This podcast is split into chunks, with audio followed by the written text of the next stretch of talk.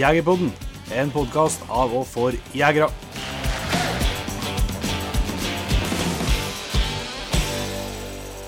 Hjertelig velkommen til en helt ny episode av Jegerpodden. Jon Ingevik, min gode venn. Yes. Det er første gang innspilling i Danmark. Jo. Du sier Danmark, du òg, Magnus? Ja, om det Hæ? Du er ferdig med å spise sjokolade og sånn òg? Nesten. Du fikk beskjed før at vi spiser ikke mat. Det er eh, flagget deres, Dannebrog. Ja, det er Danmark, ja. ja. Stemmer. Og så på vår høyre flanke er da, nei, Svein Jæger Hansen.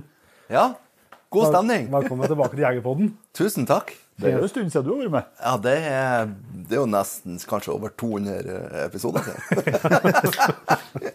Det er jo duket da for en eh, liten Jegertoner spesial, den episoden der. Yes, Vi har jo lovet det på forhånd.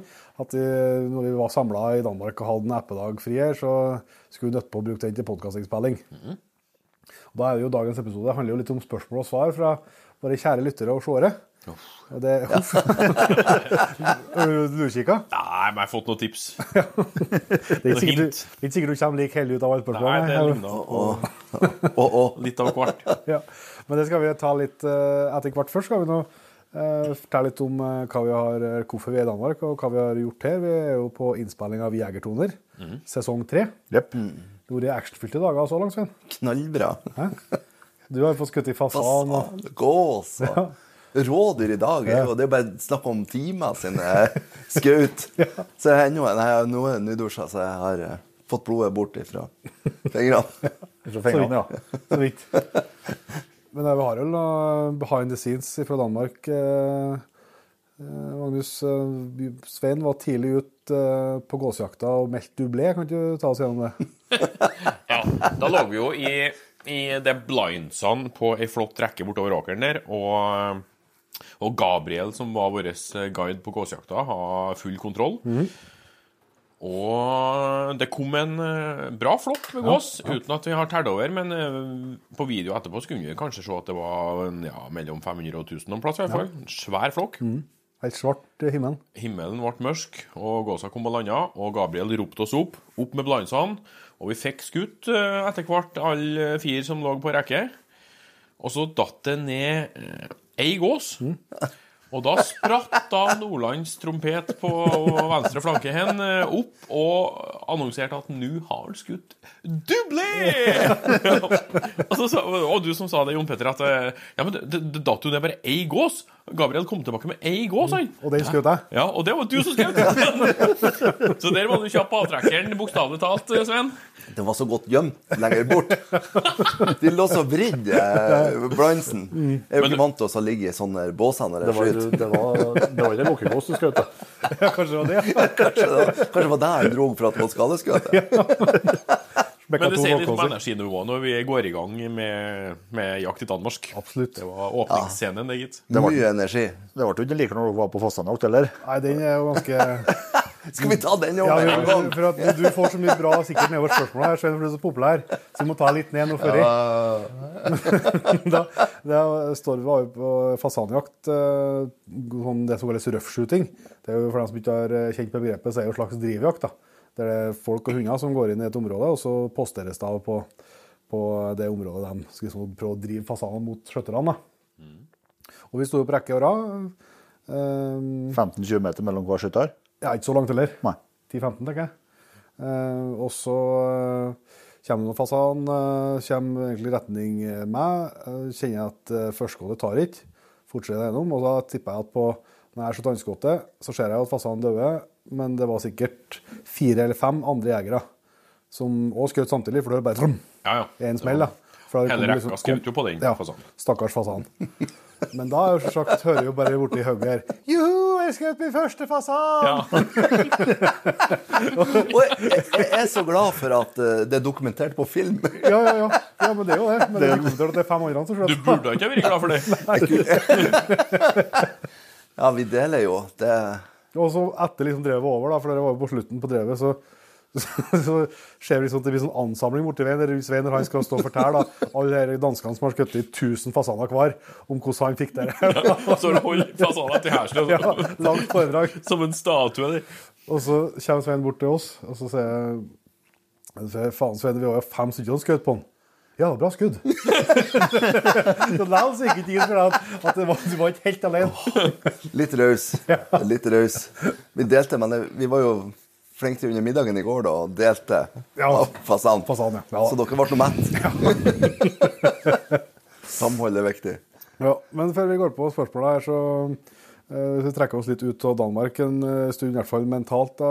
Jakthøsten eh, for øvrig, gutter. Du kan få starte, Svein. Kan vi starte, forklare oss litt om jakthøsten din i år. Har det vært en bra høst så langt? Jeg tror aldri jeg har jakta så mye og så bra. Jeg hadde i beskjedenhet. I all ydmykhet så fikk jeg jo skutt min første norske hjort. Ja, stemmer. Og det var litt artig. Og så fikk jeg jo skutt orrhøne. Vært på rypejakt eller med Bodil. Ja. Og så Da er dukket vel for et hold. Ja, det er viktig. Det er, det er, jo, en grunn for at jeg får mye vilt, tenker jeg. Du, du må holde igjen på tipsene. Spørsmålene kommer etter hvert. Ja da. Og så er det uh, elg. Jeg skutt flere elg. Og jeg har vært heldig. Skutt min første basan. og så Kanskje. har jeg jo fått uh, gås. Ja. Og så uh, ferskt uh, rådyr i dag. Så det var jo knallbra. Det, det å være jeger, det lidenskap som beriker livet. Ja, det er, jo, det er jo lett å bli berikt livet av når det går såpass på skinner som det virker til å gjøre til deg på jakt. da, i hvert fall. Ja, det vært en god høst. Ja, Det var ikke så bare borte høsten i fjor, eller høsten før det der, var det? Så jeg kommer på rett. Nei, det er ikke så ulikt, egentlig, høstene, sånn sett. Det er bare at jeg har hatt mer tid å jakte, og det at vi lager jegertoner i lag, er jo fantastisk. Det gir meg masse glede. Takk i like måte. Ja. Magnus, da? Ja. Nei, jeg har jo veldig mye kortere fartstid eh, totalt sett på jakt enn Svein har, da. Men han åpna jo med å si at han har aldri jakta så mye og så bra som han har gjort denne høsten. Jeg har aldri da i min korte fartstid jakta så lite og så dårlig som i høst. Det er motsetninga. Ja, og øh, mye på grunn av litt sånn omprioriteringer på hjemmebane, og litt mindre jakting ble det enn Litt mye husbygging. ja, mye husbygging har vært, og prioritert det. Men jeg fikk til noen turer med fuglehund. Men det det du tenker på pointeren? Med fuglehund, ja. Eh, Men det fantes jo ikke fugl i fjellet i Trøndelag. Og det er vel kjent for veldig mange. Og lite ryp. Så eh, det ble ikke noe kjempeuttelling på den turen vi hadde der. Men uh, nå har vi jo fått komme i gang med, med tonerinnspillinga hen, så den jo Du har fått trukket snudd litt Ja, jeg skjøt jo fasaner òg. Ja, ja. Det er ikke bare Gå, så. Det er ikke bare god stemning. Det er bare god stemning. ja, ja, det er jo det, det er jo det, Sven. Og det er herlig. Men eh, vi smelter i gang med noe gås Det begynner begynne med, og fasanen har fått òg, ja. Så eh, nå ser det bra ut. Ja. Ser lyst ut igjen. Ja da. Her på å enden på Men det er jo ikke, ikke sånn jakta er, da. Litt opp og en del ned. Ja, I all hovedsak ned, vel. Men innimellom så er det noe opp, oppover bakkene. Ja. Ikke hvis du er Svein, da. Da ruller jeg på. Ja, det, det har jo blitt en er del eh, kjøtt. Men husbygginga er på å nærme seg ferdig. Ja, det vi skal gjøre nå eh, før jul Nå kan jeg legge fotene på fotskammeren en liten stund, ja. ja. Så det kan jeg pusse hagla igjen. Så da tar vi, det blir vinterjakt. Den blir ikke utover stengt. Ja, det går, noen, noen plasser er det Nei, åpent. men jeg kan jo forå utafor hagegjerdet, jeg òg. Tross alt. Ja. Nei, Jakthøsten vår sånn, det har vi jo sutra oss gjennom. eh, Ja, det tror jeg vi det- står over den, Ja, det får vi står over den episoden der. Men vi har fått uh, trukket uh, jevnt og trutt i avtrekkeren i Danmark, da, så det har vært godt. Uh, så men, uh, det, jeg tror vi kom inn eh, i overkant av 200 spørsmål eh, totalt sett, fordelt på litt flere kanaler. Så vi får jo dessverre ikke plass til riktig alle. Men eh, vi har nå i hvert fall tatt ut et slags utvalg. Eh, Så må vi bare starte på toppen, da, gutta. og Vi må jobbe oss gjennom lista. Og, så vi må bare hive oss rett på, tror jeg. Og da kan vi starte eh, Det går første her til deg, Svein, da, fra en Vidar eh, Tretteteig. Han lurer på eh, Svein Jæger Hansen sin beste hjorteoppskrift. Ja. Eh, nå har jeg jo de siste årene brukt mer og mer hjort. Og Ja, både jobb og privat. skal jeg ja, både jobb og privat, for at man har fått opplevelsen med å jakte og skyte, så blir man jo kanskje litt mer interessert i hjortekjøttet. Ja.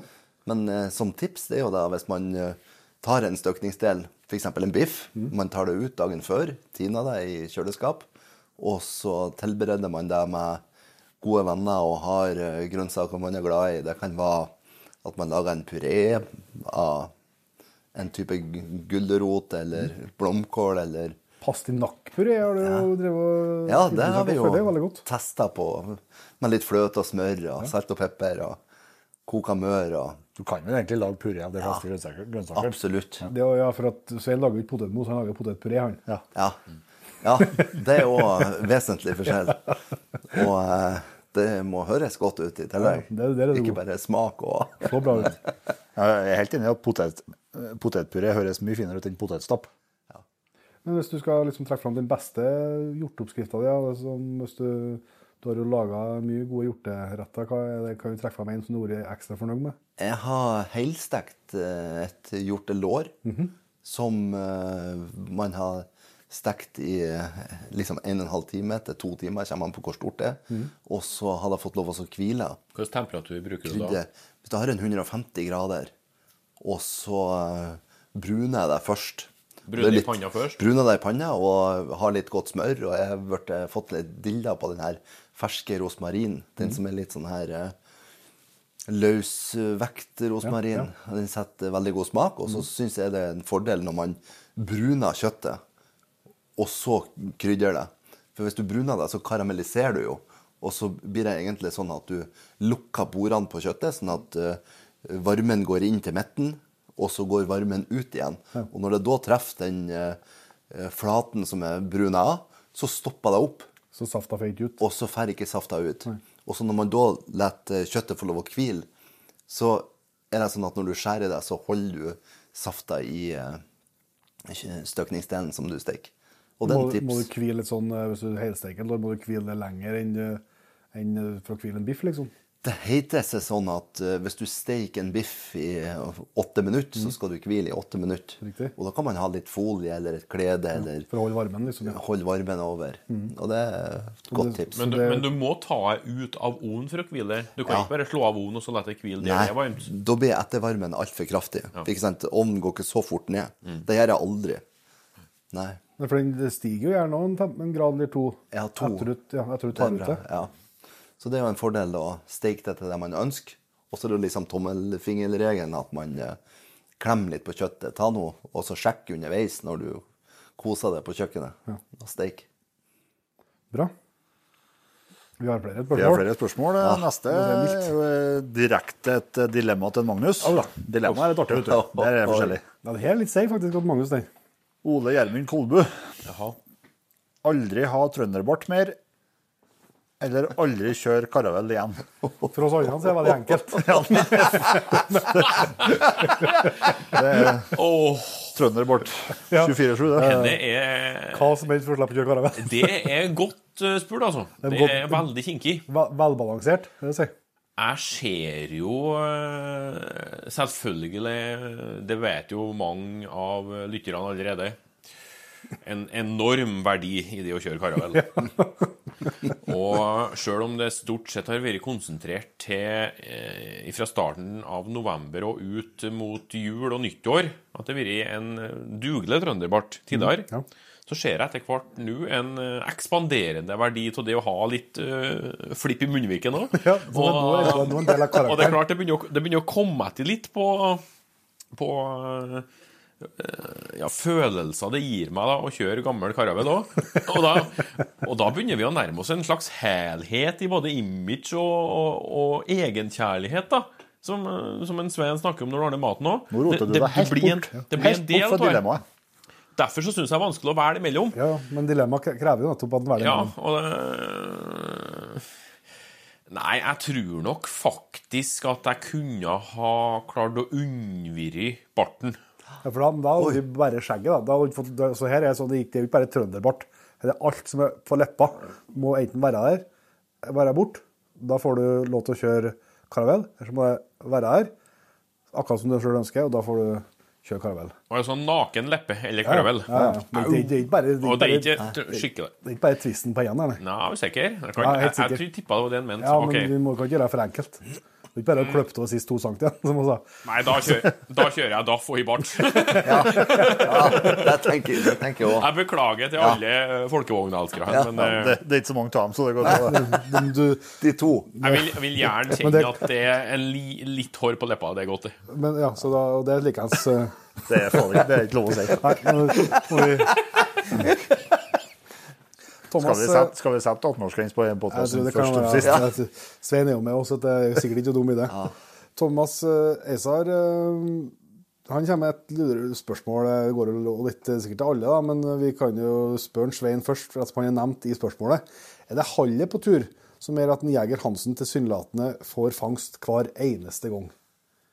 Jeg tror nok at hallet og den her sjøltilliten er viktig. Nå er jo jeg litt sånn ydmyk og litt sånn lite sjøltillit. Ja, litt, litt sjenert. Sånn at, men jeg, jeg- tror jo det at hvis du uh, har uh, godt hall, så hjelper deg det på veien. Ja, men da må, da må vi parere. Ja. For nå Pare med hvem? Pare med hvem? Nei, for nå vet jo vi at uh, du hadde jo et lite uhell tidligere enn du, Svein. Ja, du sklei på isen og slo deg ganske kraftig. Du bresta et par ribben. Som gjorde at øh, det å erverve hall ble ei fysisk utfordring. Ryktene sier at du, ryktene sier at du, Over Ja, og det, flere dager. ja, du må si nei. Ja. Det er kanskje første gangen i hvert fall vi har hørt om det, og hvis vi skal tro deg, første gangen de siste 4-25 årene, Hvis at du du faktisk har sjekket ned sjøl. hvis du sjekker bygdeboka, så tror jeg det er fint. Og, og, og, og da læl så kommer dyr rennende i fanget på deg nå, så jeg tror ikke en halli har så forbanna det, mye å det har kanskje ikke alt å si. Men du Men har oppi hodet så har det jo hjulpet deg på.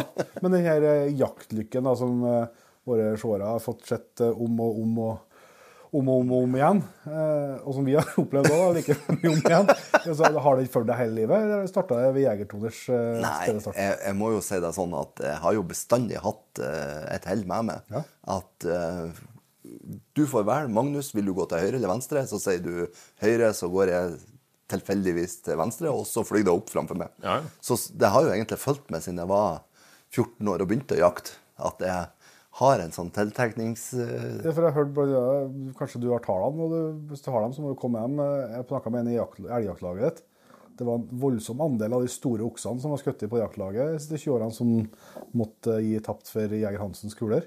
Det stemmer nok det at eh, en stor andel av de eh, oksene er Det samme i år. Vi var på post, siste drev, siste mulighet. Der kommer familien eh, på Jeger Hansen. Og det er, jo, det, er jo, det er jo fascinerende at, at det er sånn. Det er jo, det er jo litt sånn her Sånn som i dag òg. Det kommer på, liksom på min post. Det er alt Altså, det er jo, det er jo litt sånn her eh, Posten 200 meter bortom der sa at det var ei kråk Ja. hele dagen.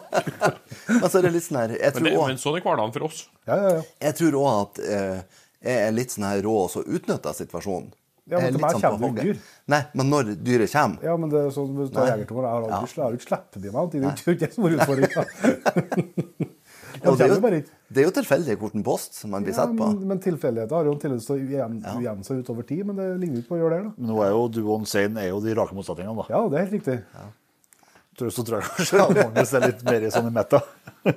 Men sånn for uh, 14 dager siden når vi var på tur, så er det jo liksom jeg blir straffa med den dårligste posten, og Ja, de har aldri ikke, ikke, for å, ikke for å være slem, men da har du tapt en konkurranse, og er det ærlig og redelig straff. Ja. Men det var stemmer det, at det var aldri, aldri, aldri skutt dyr på den posten der noen gang. Og da skjøt jeg jo To der. to der. En første dagen, og så to dager etter, så ble det jo straffa på nytt, liksom. Og så kommer det jo rett på meg. Det, det er jo ekstremt. Vi, vi satt vel og, og summerte litt i, i stad her, eh, liksom alle, alle Jegertoneinnspillingene, og da fant vi ut at det eneste gangen at du ikke har skutt ting det er når vi jakter skog- skogsfugl. Ja, da, det, Altså, det skal, både med hagl og med riffel. ja, det skal jeg ikke skryte på med noen storfugl. Så det er jo høyt på bucketlist. Nei, men det er fascinerende. Ja, det, er- men det er jo stas for meg, da. At de kommer innom en tur på post. Vi må videre, vi har spørsmål å ta, vi. Espen Kvinen han lurer på beste eller største jaktopplevelse med unghund. Oi. Skal vi få Magnus, du som er, du som er ny i jakthundgamet.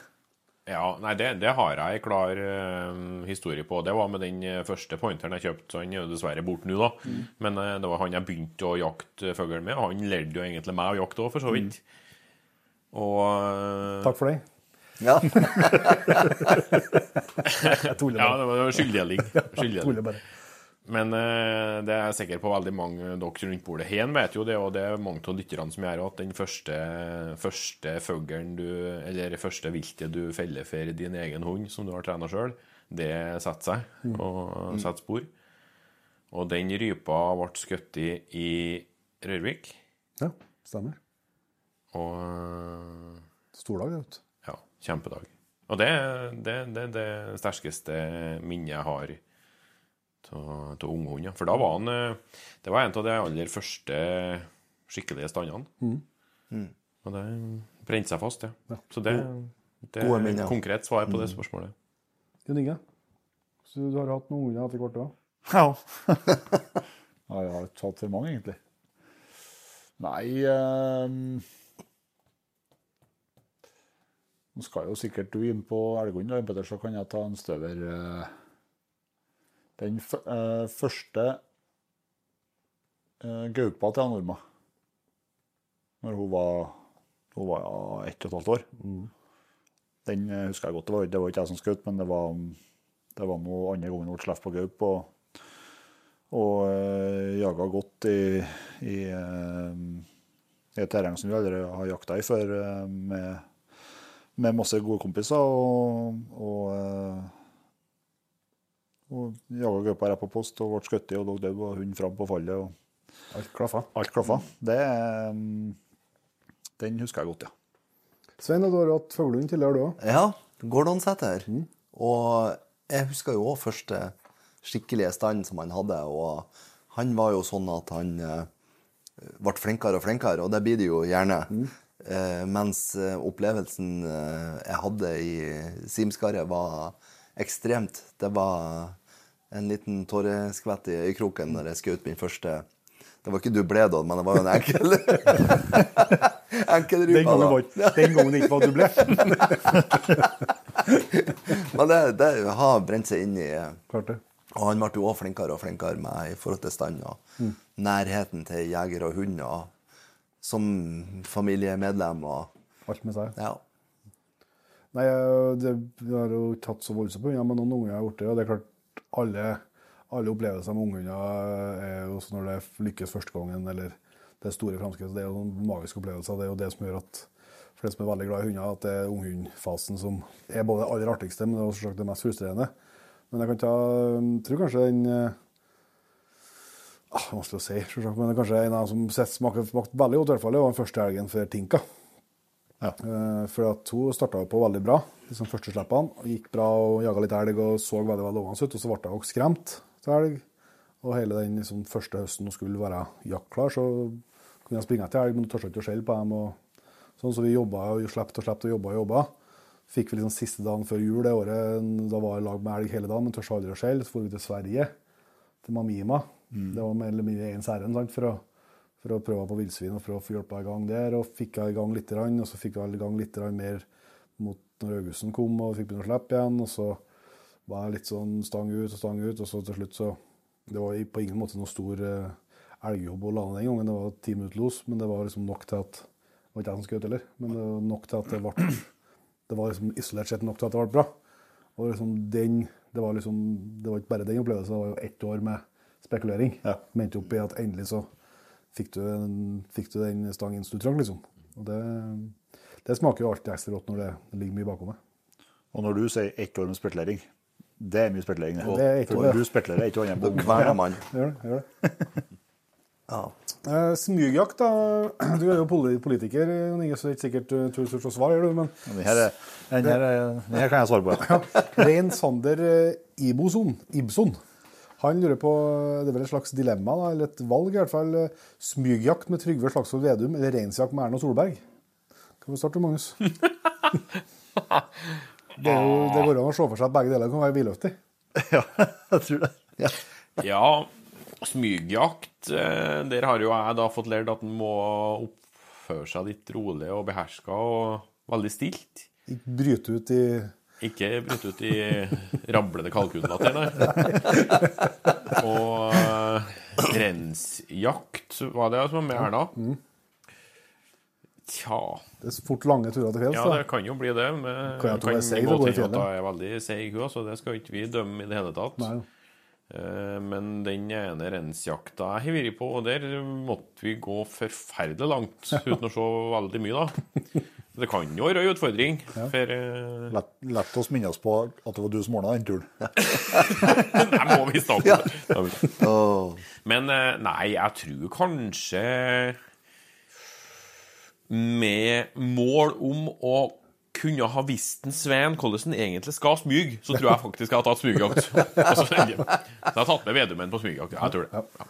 Ja, jeg er ikke i tvil. Nå har jo jeg helsa på begge og laga mat til de begge. Helt tilfeldig. Sånn at eh, jeg har jo ikke vært i tvil om at jeg har tatt Erna meg på reinsdyrjakt. For at smyging er jo ikke sånn sett kjent, men for å få opplæring hvis de Vedum har vært en, en maskin til, til å lære meg. Jeg tror dere to har lag på smygjakt. Ja, det kunne Det vært grovt. Da tror jeg det er Mye vanskelig, lyd. da tror jeg faktisk det er vanskelig for deg til så Svein. Ja. Nei, jeg inviterer jo Erna meg på reinsdyrjakt. Og du som, eh, bare, du som nest, andreplass på lista for Senterpartiet er vel Det er programfesta? forholdsvis programfestet at jeg må på smyg- smygjakt, men Vedum, ja. Ja. Jeg tar med Erna Solberg på reinsjakt, jeg òg. Jeg bekker vel kanskje nærmere andre enn jeg òg, rent politisk. Men eh, det er jo noe man kunne gjøre som en Svein. da, Kunne skru på seg at du har vært på jakt med stats, tidligere Ja, ja, det er klart. Det er. Det er klart, eh, De kontaktene det var Finansminister så er jo ikke helt borte av en Vedum heller, men det er klart statsminister er jo statsminister. Ja, er... En liten kommentar. Når hun var statsminister, så var jeg faktisk på Finnmarksvidda og laga mat Ja. til 40 journalister og politi og Erna Solberg og hele hopprennet. Så jeg har jo, vi jakta ikke, men eh, vi laga en femretters med var sikkert. Det var faktisk såpass på den ene retten. Men det er litt kult. Da ble hun imponert over eh, at jeg klarte inne på, på vidda. Da fikk de mat reinsdyr, så vi var jo ikke på jakt da, men Ja, Det var, vill- tamrein. ja. ja. Nytt dilemma rundt bordet fra Jørgen Vik. Aldri mer, aldri mer villmarksakevitt eller aldri mer fangstrapport? Legg an til Ja, det var- 50 For, eh, nei, altså, det ikke si altså, Det som er Fangstrapporten er jo ikke tvil om at den er en kjempesak å drikke. Vi åpner med det. Så, så at, eh, men villmarksakevitten klart, det fins ikke annet, så er ikke den borte, den heller. Altså. Nei, nei, nei. Nei, men det, Men det det, man skal jo være raus. Det var jo litt sånne her eh, vanskelige spørsmål. Ja. Jeg tenker på for deres del i forhold til kontra villmannsakevitten. Jeg er ikke så glad. Jeg er ikke så, jeg, uansett, jeg er ikke så glad i likør, så at meg blir fangstrapporten, ja. Ja, det, er- det er jo et akevittspørsmål, så det blir fangstrapport der òg. Jeg, jeg tenker jo at hvis man liker den litt, eh, litt mer utvanna og ikke 40% så er det jo en fordel. Nei, ja, det er Likørgeren er ikke noe for meg, men, men det må de som er kjempeglade til. Nå nærmer seg jul og likørtid, det. Ja, det er jo det. Ja. Så det Vi skal ikke skrinlegge den. Det, det, du, Magnus, hva, hva lander du på? Nei, jeg tror nok svaret mitt blir eh, Underberger? Nei, jeg, jeg, jeg er jo Hen er ikke programforplikta til å svare. Men um, likevel så må jeg ha den på fangstrapporten. For eh, hvis jeg har svart uh, villmarksakevitten, så har jo folk fortsatt å kjøpt fangstrapporten fordi om jeg har slutta å drikke. sant? Ja. Så det, det, er ikke, det er ikke derfor jeg sier rapporten her. Og da, da har folk trodd at da gjør jeg det bare for å være snill med deg. Og sånn, tar. og du er jo så snill ellers. Husekopp og sånn da. Da kan jeg være snill på andre punkt, og så være ærlig nå. Du er, Fangstrapporten. du er snill ellers hele tida. Nei, det som er artig med villmarksakevitten, det er jo at uh, den er blitt en av Norges aller største. Og det, det er jo jeg stolt av. Ja, ja, Det er kult. Det, Det er et tallmateriale. Det gikk vi jo gjennom her tidligere når det, du ble på Egos. Så det tallmaterialet, så er det klart det. Det har vi tiltro til. Videre i programmet. Jo Vågan, vet du, Svein, det er jo en god kompis av deg. ja. Eh, og oss alle, for så vidt. da. Vi har jo kjent Jo alle. Vi har vært med på jakt hele gjengen nå. Eh, men eh, du har vært med på jakt siste årene i forbindelse med de her to rypejaktfilmene Jo har laga. og han har et dilemma til deg. Oh, og Det er så, det er ikke så vanskelig, men eh, det er jo selvsagt berettiga. Aldri mer jakt ryp, eller aldri mer i noen sammenheng, jeg skriver ikke om det legger jeg til, rop juhu i fistel. Altså det, er jo litt sånn som du, det, Barten er jo en del av karakteren til Magnus. Han måtte velge mellom den og en annen del av karakteren hans, nemlig, nemlig Karavell. Nå må du velge mellom to av de viktige tingene din, eh, det som utgjør Svein Jæger Hansen.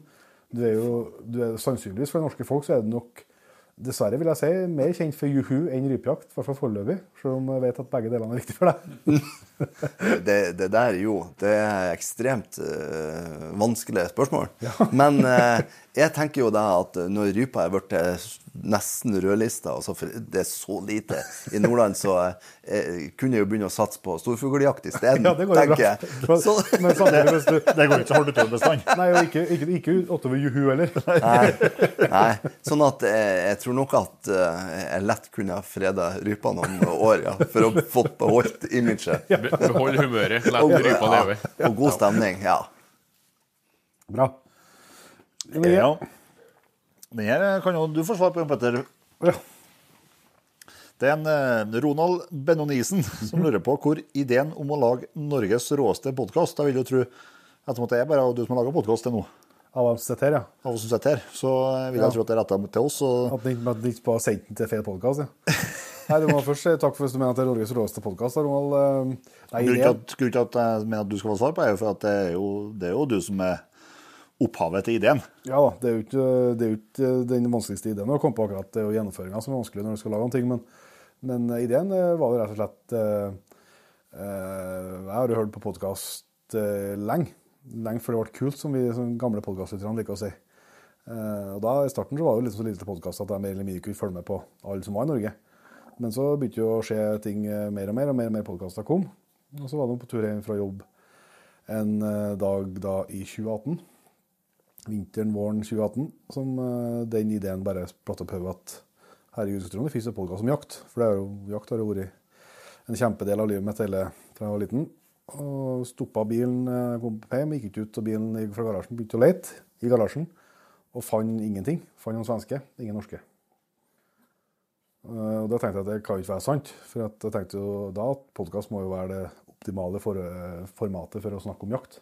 For at nettopp du kan sitte sånn som vi gjør, rundt et bord og bare prate og ha artig og ha en felles lidenskap. Uten at du må bry deg om i klokk, eller at du skal nødvendigvis tikke av noen poeng, eller hva det skal være. Så da eh, kom det, den ideen opp, og gikk samme kvelden at jeg ringte Inge. For hvis du passer på å ikke kjøre så godt etter, ja, så, så tenkte jeg at hvis jeg skal gjøre, lage en sånn podkast, så vil jeg ikke gjøre det alene. Eh, Og så vil jeg ha med en dyktig jeger. Jon Inge er den dyktigste jegeren jeg kjenner, så da tenkte jeg det var naturlig for å, å ringe han og spørre, da. Du hadde ikke nummeret mitt da? Nei, var ikke det. Det, eller det, det fant ikke på gule sider. eller så, så det ringte jeg til Jon Inge. Det er jo artig sånn fun fact eh, i det. Jeg så en scene da, at eh, når Jon Inge, jeg forteller Jon Inge ideen, og sånn, så jeg prater jo sånn som jeg ofte gjør. I hvert fall når jeg blir gira på en ny idé, så går det jo litt, eh, det jo litt på Det snakkes, det blir mye ord, da. Når Jon Inge endelig sletter, så sier han ja, det er så artig. Hva er podkast? så, så det var jo en blytung start, men eh, det tok seg opp. Men det er jo ikke så, det er ikke vanskelig. Nei da. Det, jeg har jeg vært tydelig på fra 2018 at hvis det har vært vanskelig å lage podkast, har vi ikke drevet med det. Nei. Stein Arne Lunde han har to spørsmål til Magnus. Det første har vi vært litt inn på, eh, men eh, det er Hvor irriterende er egentlig, i store bokstaver, altså i caps lock, flaksen til Svein? Ja. Oi. Skal, Oi. Det er væravhengig. I, i, de aller, aller fleste tilfellene så er, er jo helt fantastisk artig å bli, bli stående og måpe og gape og flire når det tikker inn på radioen at han har skutt et eller annet. Og, og så lenge at det er, det er oppholdsvær og sola skinner og vi har en fin tur og sånn, så er det utelukkende artig. Hvis du sitter på post, og det er en 10-12 minus, og det blåser østant, og det kommer noe fnugg kanskje, og, og det er bløtt på linsa, og det frosser gjennom teen, og du ikke sett snevet på hele dagen Du bare gleder deg til å komme hjem og komme få varmen. Jeg gleder meg til å sette på ved bastoen i karavellen. Og. Og så jeg inn på radioen med Juhu! Kom på min badstue!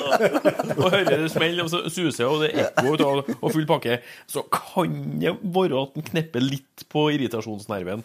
Det skal jeg innrømme. Men eh,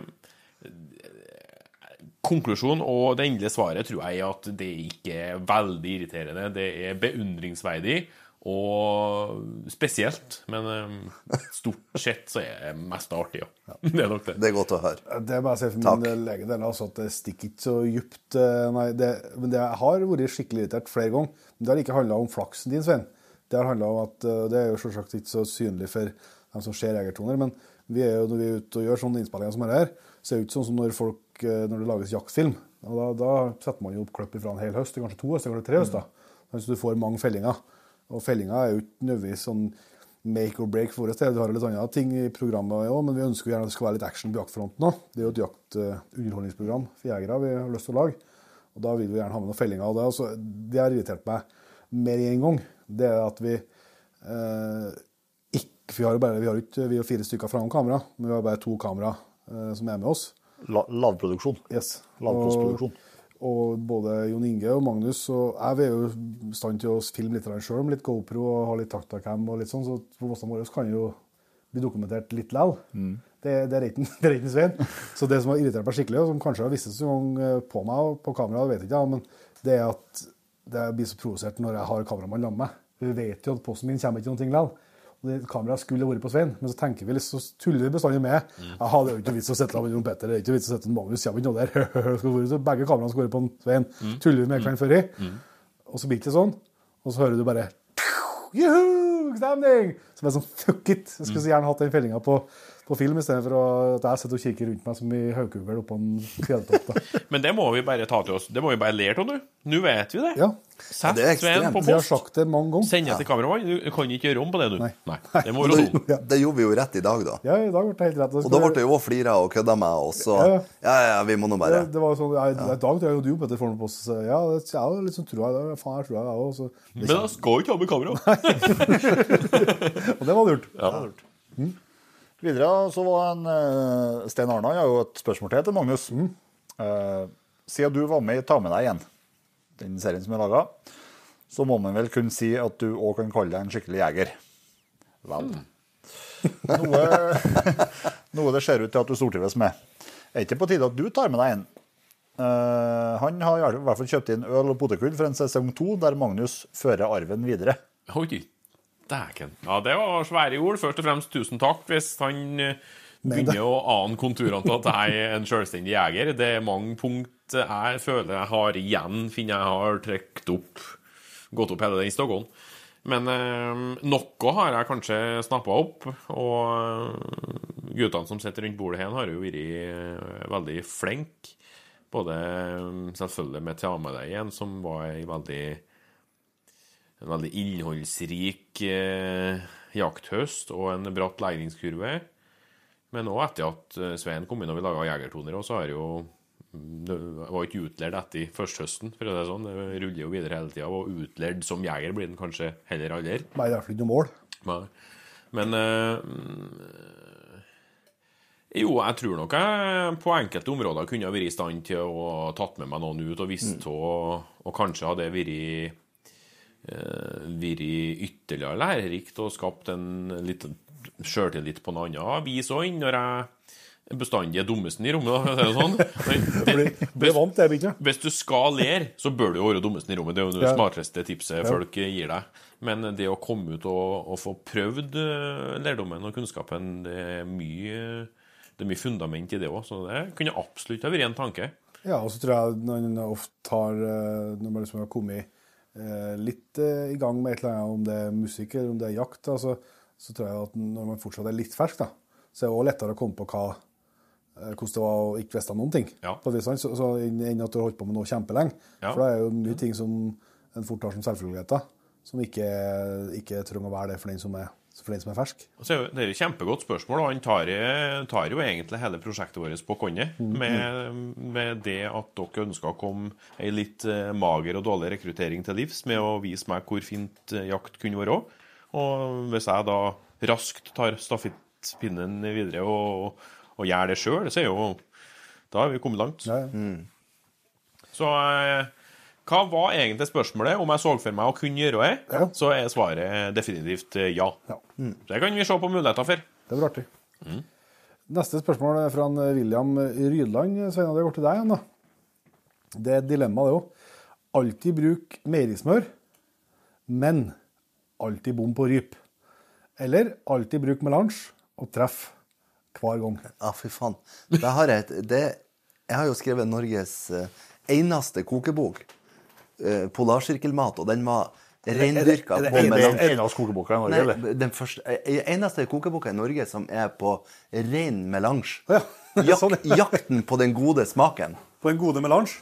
Og, og Ja, for det husker jeg det var det først vi Ja. om. Første gangen du laga mat, eller Yes. vi laga mat, oss, så tenkte jeg nå skal vi inn på det. Fy faen, vi bruker noe meierismør. sånn, sånn at, Men med alderen så har jeg jo blitt flinkere å bruke smør. Ja.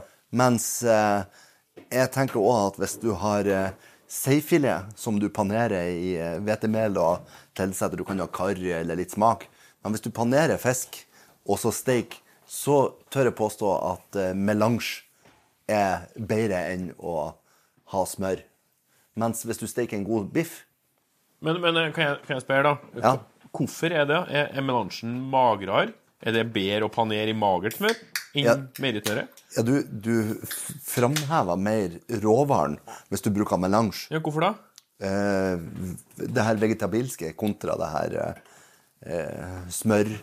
Du oh, ja. får jo en smørsmak, ikke sant? Og den er det, det, det, er ikke mer olje i melangen, da? Jo. jo. Så det er lett- det er lettere å få Det er lettere å slippe å Det er ikke så lett å brenne sakene dine. Nei, i høyere varme i tillegg. Sånn at uh, Jeg tror nok lett at jeg kunne gått for melange. Det er et veldig godt spørsmål. Men uh, jeg skal klare meg uten smøret hvis det, Hvis det er rypa det står om. hvis det er rypa det står om. Ja, ja, ja. Det, der har jeg tippa andre veien, hvis Ja. jeg skal ha svart først. Ja. Men Det husker jeg fra jeg kjempe, ja. Ja da. Du ble så skuffet for du var så jævlig mørk. Så, Jeg bruker ikke melange, Svein, når han holder på med her matlaginga. Jo, det kan man gjerne gjøre. så det datt Men, opptatt. men jeg har faktisk fått litt kritikk fra de her eh, Michelin-stjernekokkene som har elska smør og det. Da snakker, Men da snakker vi Hellstrøm. da kan vi f.eks. ha sagt Hellstrøm, Hellstrøm, som har kritisert meg for at jeg Men eh, boka solgte nå i 11 000 eksemplarer. Og, Det er han og Jon Sivert Oppdal. ja, Legger ut sånn salgstall. ja, men det, det er jo det er jo også litt sånn her ekstremt. Ja, ja, ja. Og eh, om det var pga. melangen, det måtte jo være pga. Nei. boka. Nei, så jeg går for melange. Det er bra. Da er det en Håvard Gjelde.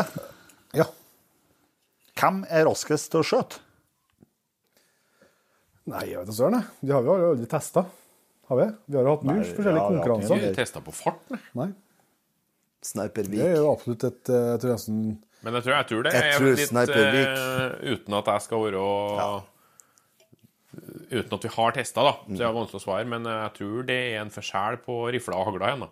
Det tror jeg òg. Ja, det, det er sant. Ja, så er det hva som er å være kjapp, om det er tida fra blinken er der til skuddet er avfyrt, eller om det er til Ja. våpenet er tømt. Det er, noen- det er noen faktorer inni Ja, bildet. det Men det er jo definitivt eh, Kanskje vi bare må lette spørsmålet til en Håvard henge i lufta, og så tips produksjon om at det er en konkurranse vi gjerne skulle ha Jeg tenner litt på den. Ja, det er er, gjerne gjerne vi skulle, gjerne avklare det. jeg er òg med på den utfordringa. Absolutt. Ja, for det skjøtekonkurransen bruker å gå bra for deg, Svein. Ja, Altså, da, for ja. utenom Polen, der, var det, der fikk du jo skiva til Magnus, så det var jo Ja, da, det var flaks. Det var flaks. Det var jævlig bra. Det var jo endelig en konkurranse jeg kunne vinne. Nei, men det, Det det er, faen må vi for- oss. det er forslag til konkurranse Ja, på det er en sant. episode. Ja. Den Men skal vi ha med. Da må skal vi, da vi må få lov til å være med og jobbe fram reglene. For de tar, men det er litt på slump i reglene. og Da, Ja, ja.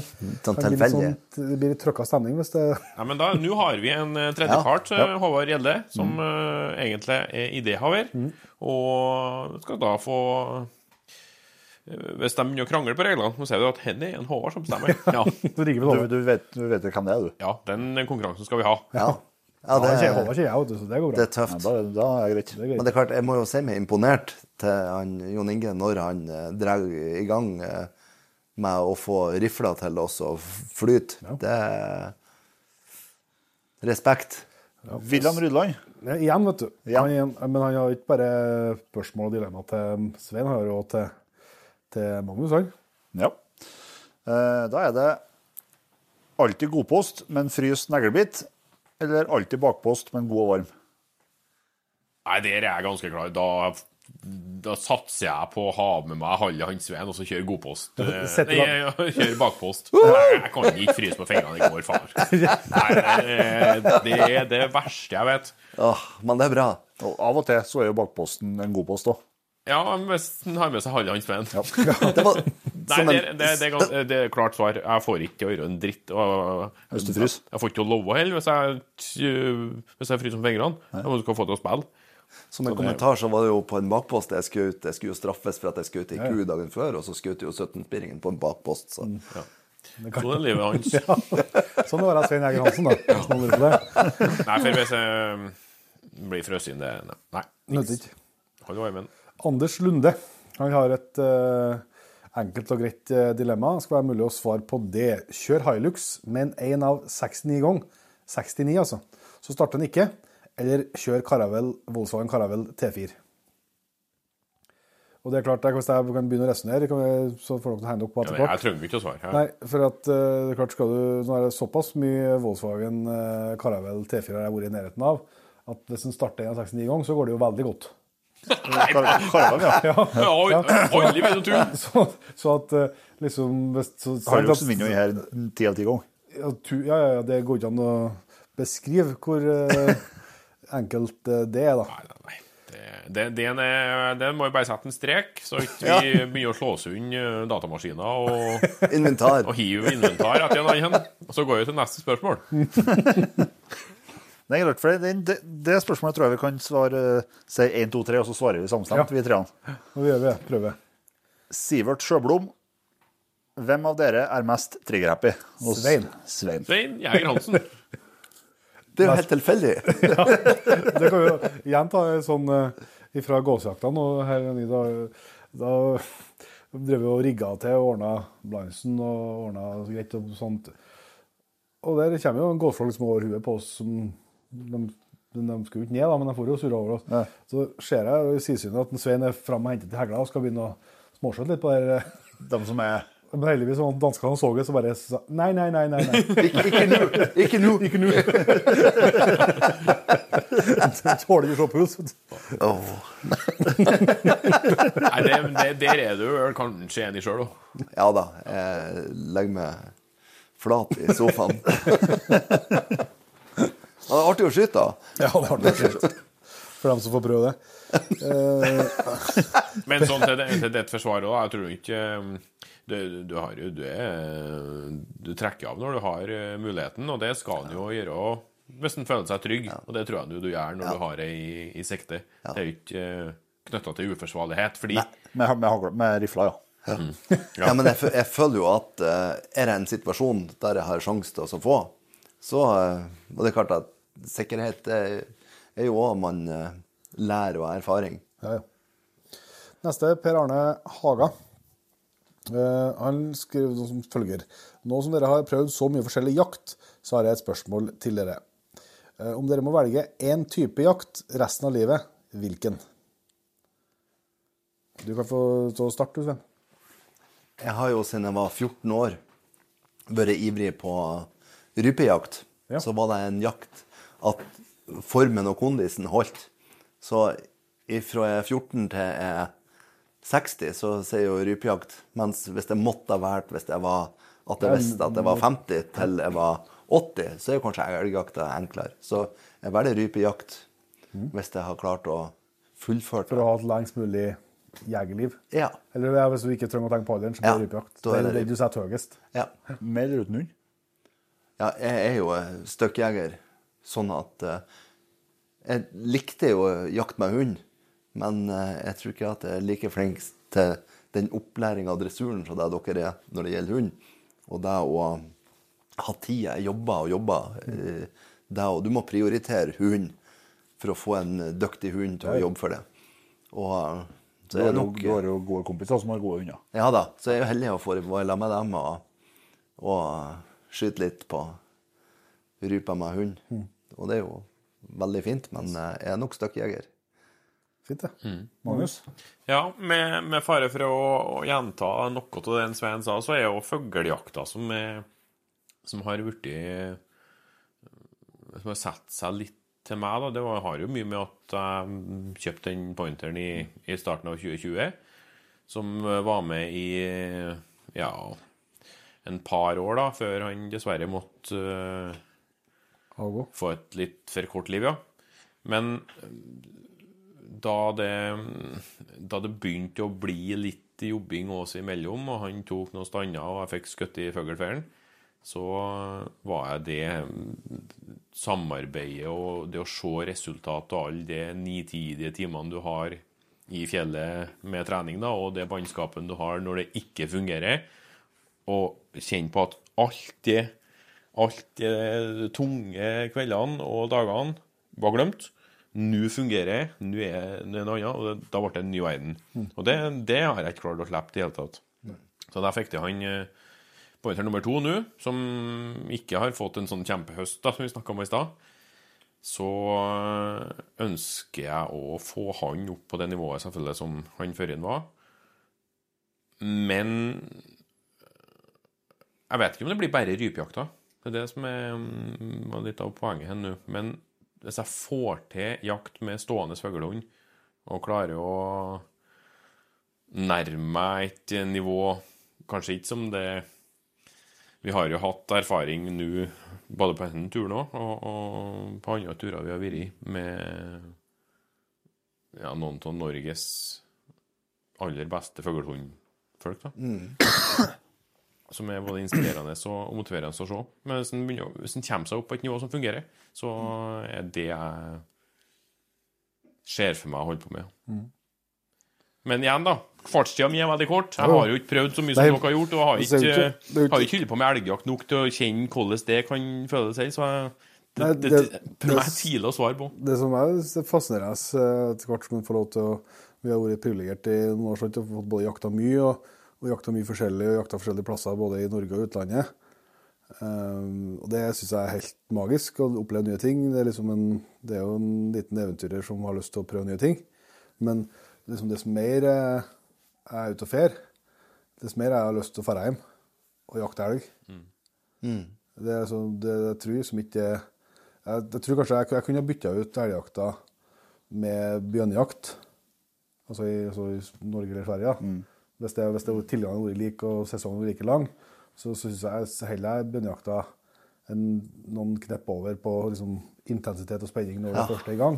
Men Problemet er at det er så få dager og det er så, det er så få vilt, eh, sånn at det, liksom, det blir, gir ikke mening å bytte ut det med elgjakta som vi har god tilgang på, og som varer over, over lengre tid. Da. Men det, det, og det syns jeg vi hører mye av gjestene vi snakker med i Jegerpoden nå. Så Vi snakker med mange som har vært mer eller mindre verden rundt på jakt, og angrer jo ikke et sekund på det. Men når de skal trekke fram hva de setter høyest, så er jakta med Vokser opp med, vokser opp med, eller, ja. eller, eller som har rundt seg hjem, eller altså ja. å komme tilbake. Det er jo det som er så fascinerende, at det er kjempeartig å dra på en tur som er her, og treffe nye folk, oppleve ny jaktkultur, eh, se nye jegere, se dem i aksjon. Kjempeopplevelse. Men det er liksom, likevel så, så, så gjør ikke den jakta du har hjemme, det dårligere. Snarere tvert imot. Det er bare krydra. Opplevelsen. Ja, og hverdagen og livet. Det er jeg faktisk enig i. Men ikke? Nei, det, blir- det, jeg kan svare kort og enkelt. da. Det er elgjakt, det. Fint. Eh, Neste spørsmål eh, kan vi ta ifra eh, Fredrik Gjelseng. Og han har et todelt spørsmål om hvordan vi kom på å lage jegertoner, og hvordan vi fire havna i lag. Eh, Det går an å svare både kort og langt. Eh, Det er så mye spørsmål at jeg tror vi må gjøre det sånn litt kort, i hvert fall. Men først, du tar det første først, da. Så eh, hvordan vi kom på å lage jegertoner, så har jeg egentlig det bakgrunn i at Akkurat årstallene her, men, men kanskje i sånn i 20...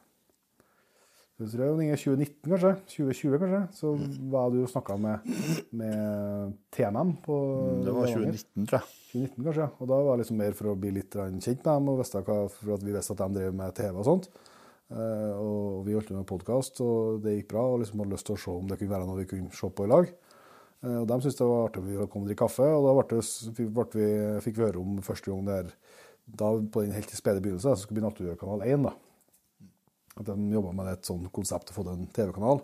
Så ble vi med i et sånn bedriftsnettverk, eller hva de kalte det, for å liksom, eh, ja, være med som en slags idébank og jobbe litt med konsept og ideer og forskjellig sånn. Og I løpet av det del der så ble vi utfordra på, eh, når de måtte skaffa finansiering nok til å få kanalen opp og stå, og skulle måtte prøve, prøve å legge et program første året, så ble vi utfordra på om vi kunne komme opp med et konsept til dem som eh, vi kunne lage en pilot på og prøve å lage en sesong av. Eh, og det henger jo Sånn var liksom bakgrunnen for det. Men det er jo ikke eh, jegertoner eh, som kom ut av det. Det, det handler jo om tilfeldigheter. Det handler jo om at vi først ble kjent med deg, Svein, gjennom at du var gjest i Jegerpodden. Ganske rett etter det så ble vi kjent med deg i forbindelse med at vi eh, ba om en Magnus Hestegreid-låt når vi var på intervjua på radioen på NRK. Mm. og tagga Magnus sin Instagram-greier der, og du setter uh, tommel opp på det og setter pris på det. Og lurte på om du kunne komme og spille ei låt eh, hvis vi ville det en gang. En sånn anledning, og det var jo ikke lenge etterpå. Så skulle vi ha en liveshow på Steinkjer. Mm. Inviterte Magnus inn, og han kom og spilte uh, um, Isadora. Eh, og så ble det noe rot med korona, som vi alle kjenner til. Da ble det livestream. Det ble livestream, og da inviterte vi igjen Magnus inn allerede fra første livestream, og merka det fort egentlig når vi satt og surra der, at uh, her var det noe eh, var artig å, samarbeide samarbeid og bra kjemi. Og så uh, kom jo ut av det ideen med, med ta med deg inn. Og, men så ble det jo, måtte vi ha flere livestreamer, for koronaen ga ikke seg. Og da ble det ville ha lage litt mat, da, da liker vi jo Svein. Ja, og det ble jo, den kvelden ble jo en virkelig artig kveld. Ja. Både på kamera og av kamera. det ble sendt, og det ble eh, det er fuktig utover. Fuktig, fuktig utover. Ja, det var vel, eh, det er skummelt å se, men det kan jo at det var potensial for det var noen restriksjoner som vi ikke ble overholdt oss fire mellom den kvelden. Ja. Vi satt kanskje innpå en 1,80 i hvert fall. Ja, Ja, det var nok en 20 centi. Det gikk bra. Det gikk bra. det gikk bra. Men da jo, vi jo at uh, dette her er noe, og da vi fikk den muligheten ikke så lenge etter, så løpet av den sommeren, og spørsmålet om det kunne være aktuelt å lage noe, noe TV-program, så snakka vi Jon Inge og jeg om, mye om det fram og tilbake. og så vi ville ut, vi skjønte, vi ville jo ikke prøve å lage en jaktfilm, for at vi ville produsere med at det var med noen. og Da skjønte vi at vi kunne ikke bruke en hel høst. Og så ville vi ha litt, uh, litt latter, og vi ville ha mat, og vi ville ha musikk. Så da datt jo navnene ned ganske fort. Det ordna seg med en gang, det. Guttene svarer ja. Tror jeg, eh, Bare ringte deg, Svein. Det var oppe i Lierne. Vi var på podkastinnspilling med Jakt Lierne. Ja. Satt ute i bilen og ringte. Det var, samme, det var 6. januar, for det var den dagen eh, Det var samme kvelden som de storma Kongressen i Ja. Amerika. Stemmer. som. Stemmer det. Da ringte jeg ringte vi og spurte om du Ja, jeg er med. Det var tre minutter, så var vi i boks. Yes. Så det, sånn er, det er noe med, med tilfeldigheter og det å tørre å si ja. Det kan av og til bli veldig bra. Absolutt. Edvard Tunnestad han kommer med et dilemma til alle i hop. Eh, Det er da kun halvvin eller kun fangstrapporten akevitt på julebordet. På, jule, på julebord. Kun halvvin eller kun fangstrapporten, ja. Ja, du, du, Altså, jeg kan jo åpne meg den, ja. Eh, jeg tenker jo da at eh, på et julebord så har man jo som regel med seg damer. og damene sine Men må Og- forklare nå, for det er jo ikke sikkert at alle som hører på nå, vet at uh, Halvin har kommet ut. Fangstrapporten har vært omtalt før, kanskje. Ja. Men Halvin er jo ikke En, en annen gangen. Men Jeger, Jeger Toners Halvin, det er jo et uh, resultat av det vi har gjort i lag i forhold til nå den her eh, sesongene vi har gjort, og vi har fått uh, Du har fått oss en vingård i Italia. egen vinslott. Altså en egen gård har Jegertoner fått. Ja, vi, får- vi fikk den, Ja, ja. vi fikk den. Oppriktig ja. ville ha en gård i Italia. ja. Men Svein er nøktern når du forteller. vi er jo rause. Sånn at uh, Og det ser man jo òg, sånn som du sier, det å si ja og det å by på seg sjøl og, og gripe de mulighetene, det er jo ikke i tvil om at eh, halvvin til damer og mannene fra begynnelsen av festen og helt ut er kanskje bedre enn å begynne på fangstrapporten som velkomstdrink, Ja, altså, og så kjøre ut. vi har vel alle vært på noe kalas der det kun har vært akevitt tilgjengelig Ja. fra start til slutt. Og Da har ikke jeg vært tilgjengelig til slutt. Nei, det er Nei. Sånn Det- fornuft. Ikke, ikke forretten heller. Så, så, så, Ja. Sånn sett så er jeg enig med meg, men, Ja. men for min egen del så tror jeg nok eh, altså Jeg syns jo halvvin absolutt er go- god, jeg også. For all del beste vin jeg har smakt. Men eh, Vi kan jo være enige om at redaksjon altså, foretrekker akevitt. ja, altså, hvis jeg skal ha vært et hel kveld, så vil jeg gjerne helst se begge delene. Hvis jeg skulle velge for min egen del, så hadde jeg vært tyngre og kommet utenom akevitten enn enn vin, altså. Men da har du ikke med damene. Nei, altså, Milla drikker jo akkurat like mye akevitt som meg, så det er jo ikke forskjell på kjønnet her, Svein. Nei. Nei, det For min del, altså, julebord, da skal jeg ofte fram med gitaren og klimpe litt. jeg. Ja, så er vann som er Så det er kald... Nei. Så da har jeg heller kanskje begynt, jeg òg, med noen lune, røde glass. Og så Ja, Du får ikke lov til å begynne med noe. Det er enten eller her nå. Og så har jeg gjort det. Ja da, det Nå er vi inne på halvveien her nå, og, og jule, julebordsesong. Ja. Eh, Og vi snakker pinnekjøtt og lutefisk og ribb og Ja, altså akevitt er, jo- er jo julemat. Altså det er jeg enig i at uh, akevitt er jo noe som virkelig hører. Øl og akevitt, det er jo enig, men sånn spørsmålsmessig så er det jo, det nytter jo ikke om vi og trør i Toskana på, og druene og lager en aldri så god vin hvis det ikke passer til maten. Nei da, det, det men, gjør jo, det er jo anvendelig. Men hvis du skal ha en kosefest, så eh, Ja, så jeg er helt enig med Svein at eh, resultatet ja. med bare vin er langt bedre enn resultatet bare med akevitt. Så Sånn sett så er jeg, er jeg enig, men, men samtidig, hvis jeg liksom skal sitte en hel kveld og bare ha tilgang på vin, ja. da må jeg heller ha bare Ja. tilgang på akevitt. Da blir du trøtt, ja. Ja, Nei, men det er et, det, det er litt Et delt. godt svar. eh, Det er bra, det. er er. Nyansert. det er lov, det. Det er ikke noe her om at vi skal være enige, vet du. Nei. Det er, det er jo noe som vi ikke plager med det. det er jo ikke plaga med det. Generelt enig. Er det noen nye spørsmål, eh, Inge? Det er det, vet du. Oi, det kneppes det bokser på alle kanter. Nerid, Nerid Oland. Ja. Han har ett dilemma til hver en av oss. Jaha. Det er et felles til meg og deg, Jan Petter. Okay. Det er aldri hør en los igjen, men få skjøt dyr.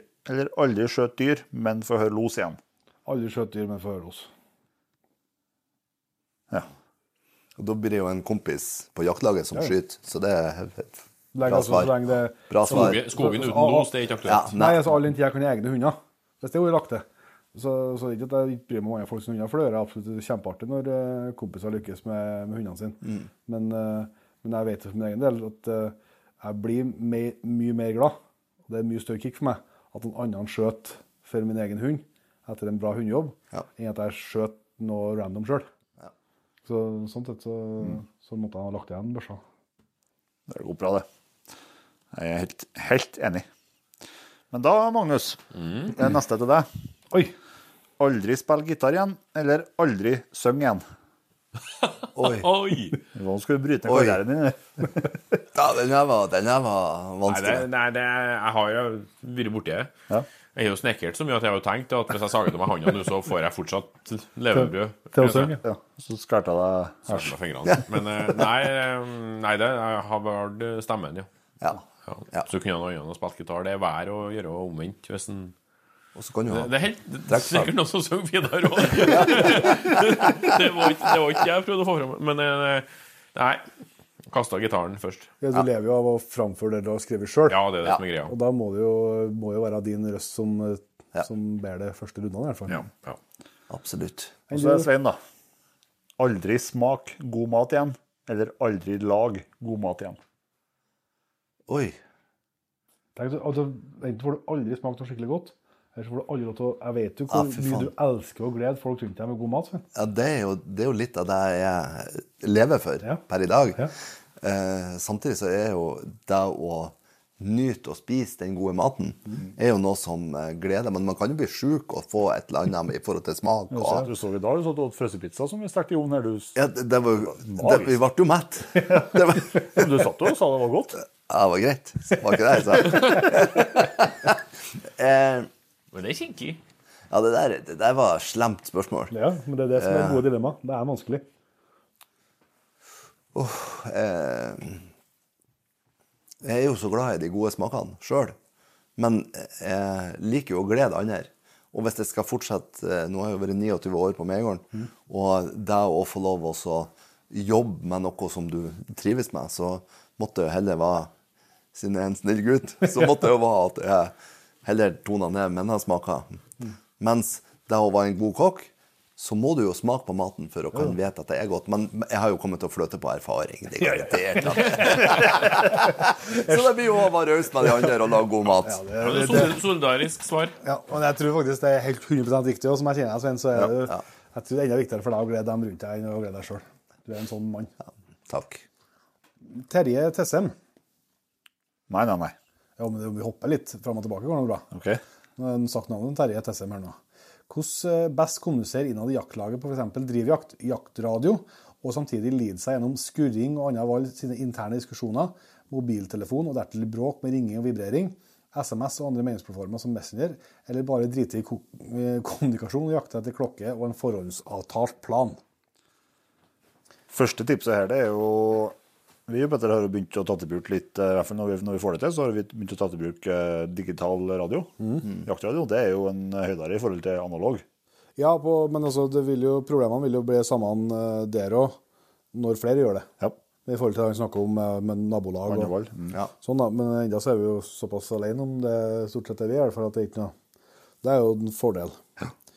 Nei, det er jo ikke noe godt svar på det. Jeg er jo, du har vel opplevd det, Jon Inge, en gang kanskje at jeg glemte jaktradioen? At Jeg har aldri trodd på at du har glemt den, nei.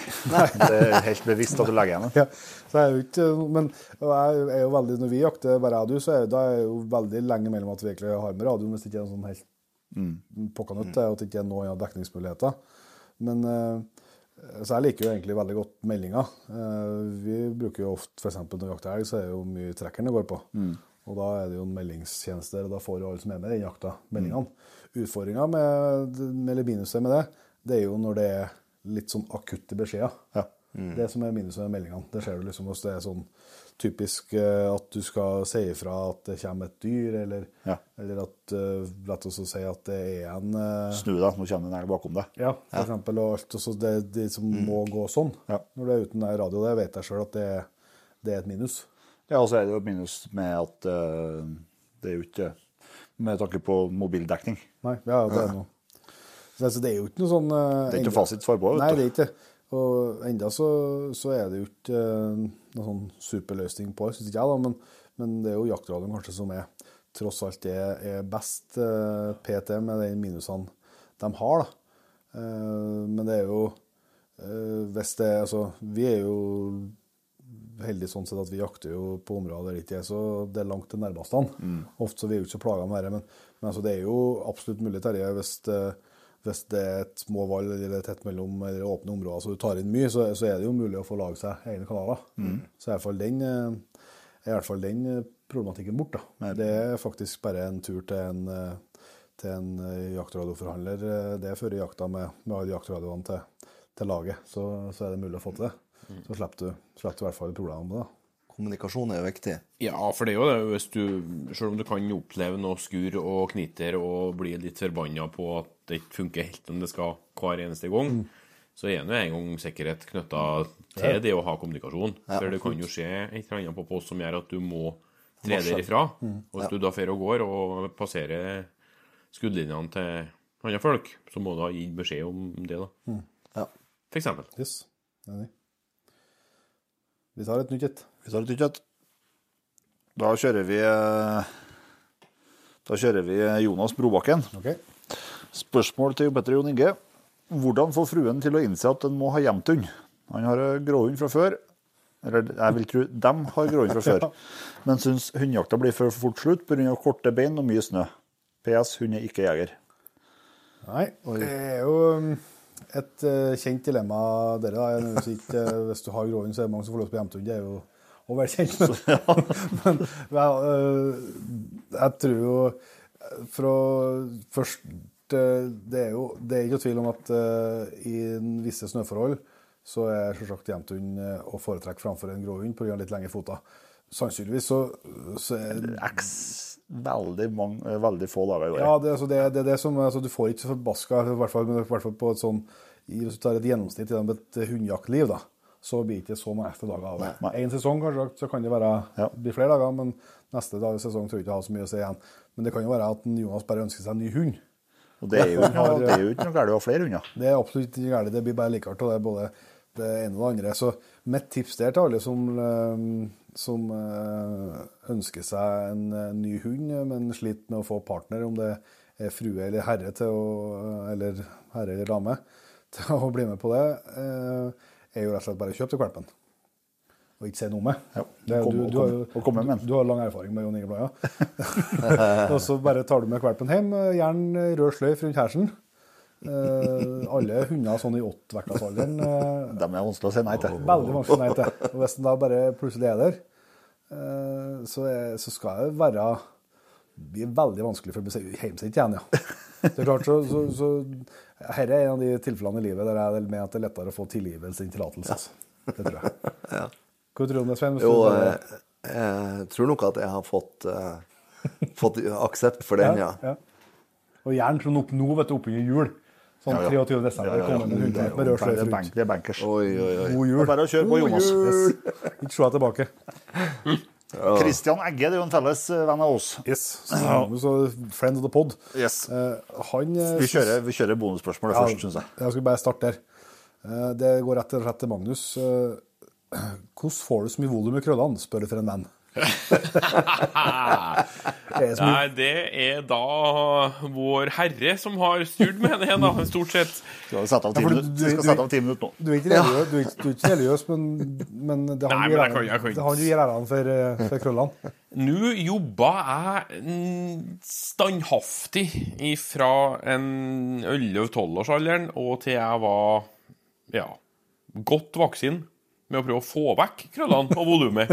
For at jeg så ut som en mikrofon. Det har, det har, jeg jo sett bilde av. Ja. Med en uh, blond sleik langt nedover kinnet. Ja, og det var rene tortur. Jeg, sov jo med huv om natta, ikke sant? For å liksom at det skulle være da, som en sånn blaut mopp når jeg stilte opp og klistra nedover. Det er jo ikke, rart han er redd for å fryse. Men jeg fikk jo ikke sitte med huv i sånt. Jeg tok av den, og så spratt det jo opp igjen.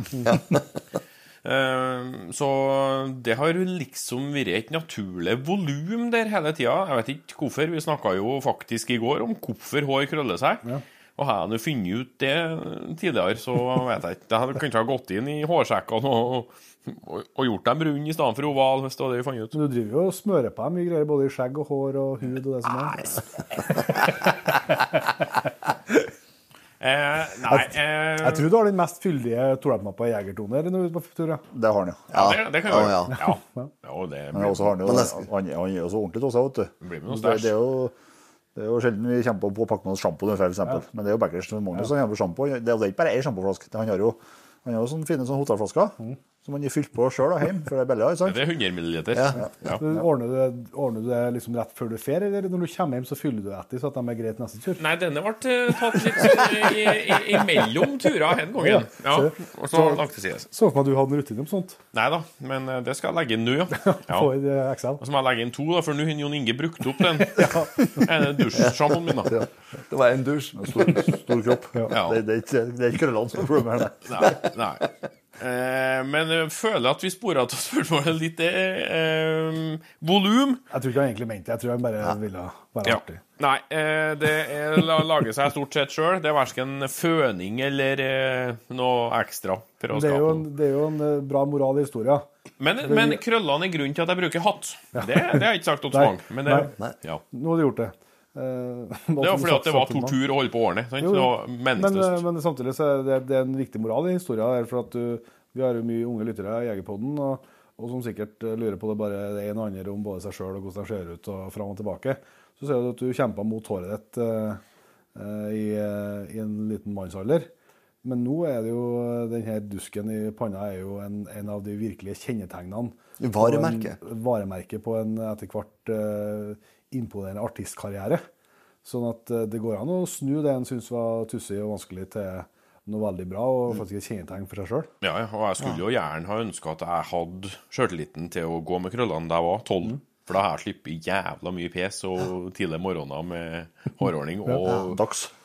Dax og Sweet Georgie Brown og Shockwaves og hva i all verden en har oppi for noe helt. Så som bare har latt det virre der og da, så har jeg berga for mye. Ja, det å være stolt av Men nå har jeg ikke bytta ut dem for noe. Så de er der. Ja. Men vi må ta trilemmaet til en, eh, Christian og Jon Inge. Det må vi. Det er altså eh, Du må bare følge med, gjør dere gjerne notater underveis. Caravelle og Jemtun. Hilux og Pointer. Eller Chevrolet og Border Mix. Den er sterk! Den er sterk. Jeg føler at Chevroleten kommer fryktelig dårlig ut av det. Ja, det, det, Det lukter tysk stål. ja, Ja, det er er faen meg den her er tung. ja, det er, Den er, er, den er seig. Men, eh, men heldigvis så var jo vi eh, Det visste jeg jo ikke uh, verken jeg eller Kristian når han skrev det her, da, sikkert, men eh, vi var jo i eh, Kjøben for noen dager siden. Der så jeg jo det Altså, det, det, det å, å trekke langt og si at det var en fin bil, men det tøffeste karavanen jeg har sett. Med litt sånn det var grønnfoliert mattfolie, og det var takgrinn, og det var allterreindekk og, og greier Heva. heva var nå. Sånn at eh, da kan jeg, kan jeg kjøre en sånn karavell og hjem til henne. Ja. Så det, vi er faktisk der. Det, er- Eh, Det må vi huske det på, er Sven. bra. Ja, jeg skal notere et kryss her. også, men da også, da så vil jeg ha med Super, Super Mario, sånn som du har i din. Men alle kjære Jegerpoddens lyttere, henne sier litt om hvor mye de elsker Jamtun. For den karaven, han har fått litt pes. Så det er kjempespørsmål, ble jeg glad. Jeg kan, eh, jeg som ikke har bare Jamtun, jeg kan slå det hardt tilbake. Så kan jeg si at eh, så det er tidlig høst, finvær og varmt i været, så kan jeg godt eh, jakte med pointer. Og kjøre Hilux. Det er helt i orden. Da, kan, da, kan jo du, da kan jo du komme og hente meg. Vi jakter jo stort sett i lag, så.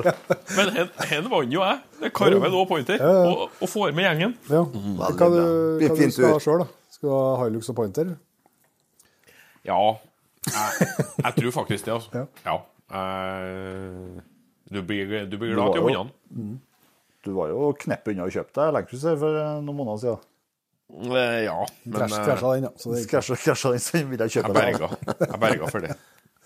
Svein, du, du er jo ikke Jeg vi, vi, kjører hva som helst, ja, du, liksom. du, Vi diskuterer jo bil hardt, men du, da holder du litt sånn i bakgrunnen, du. Jeg er liksom fornøyd med Toyota.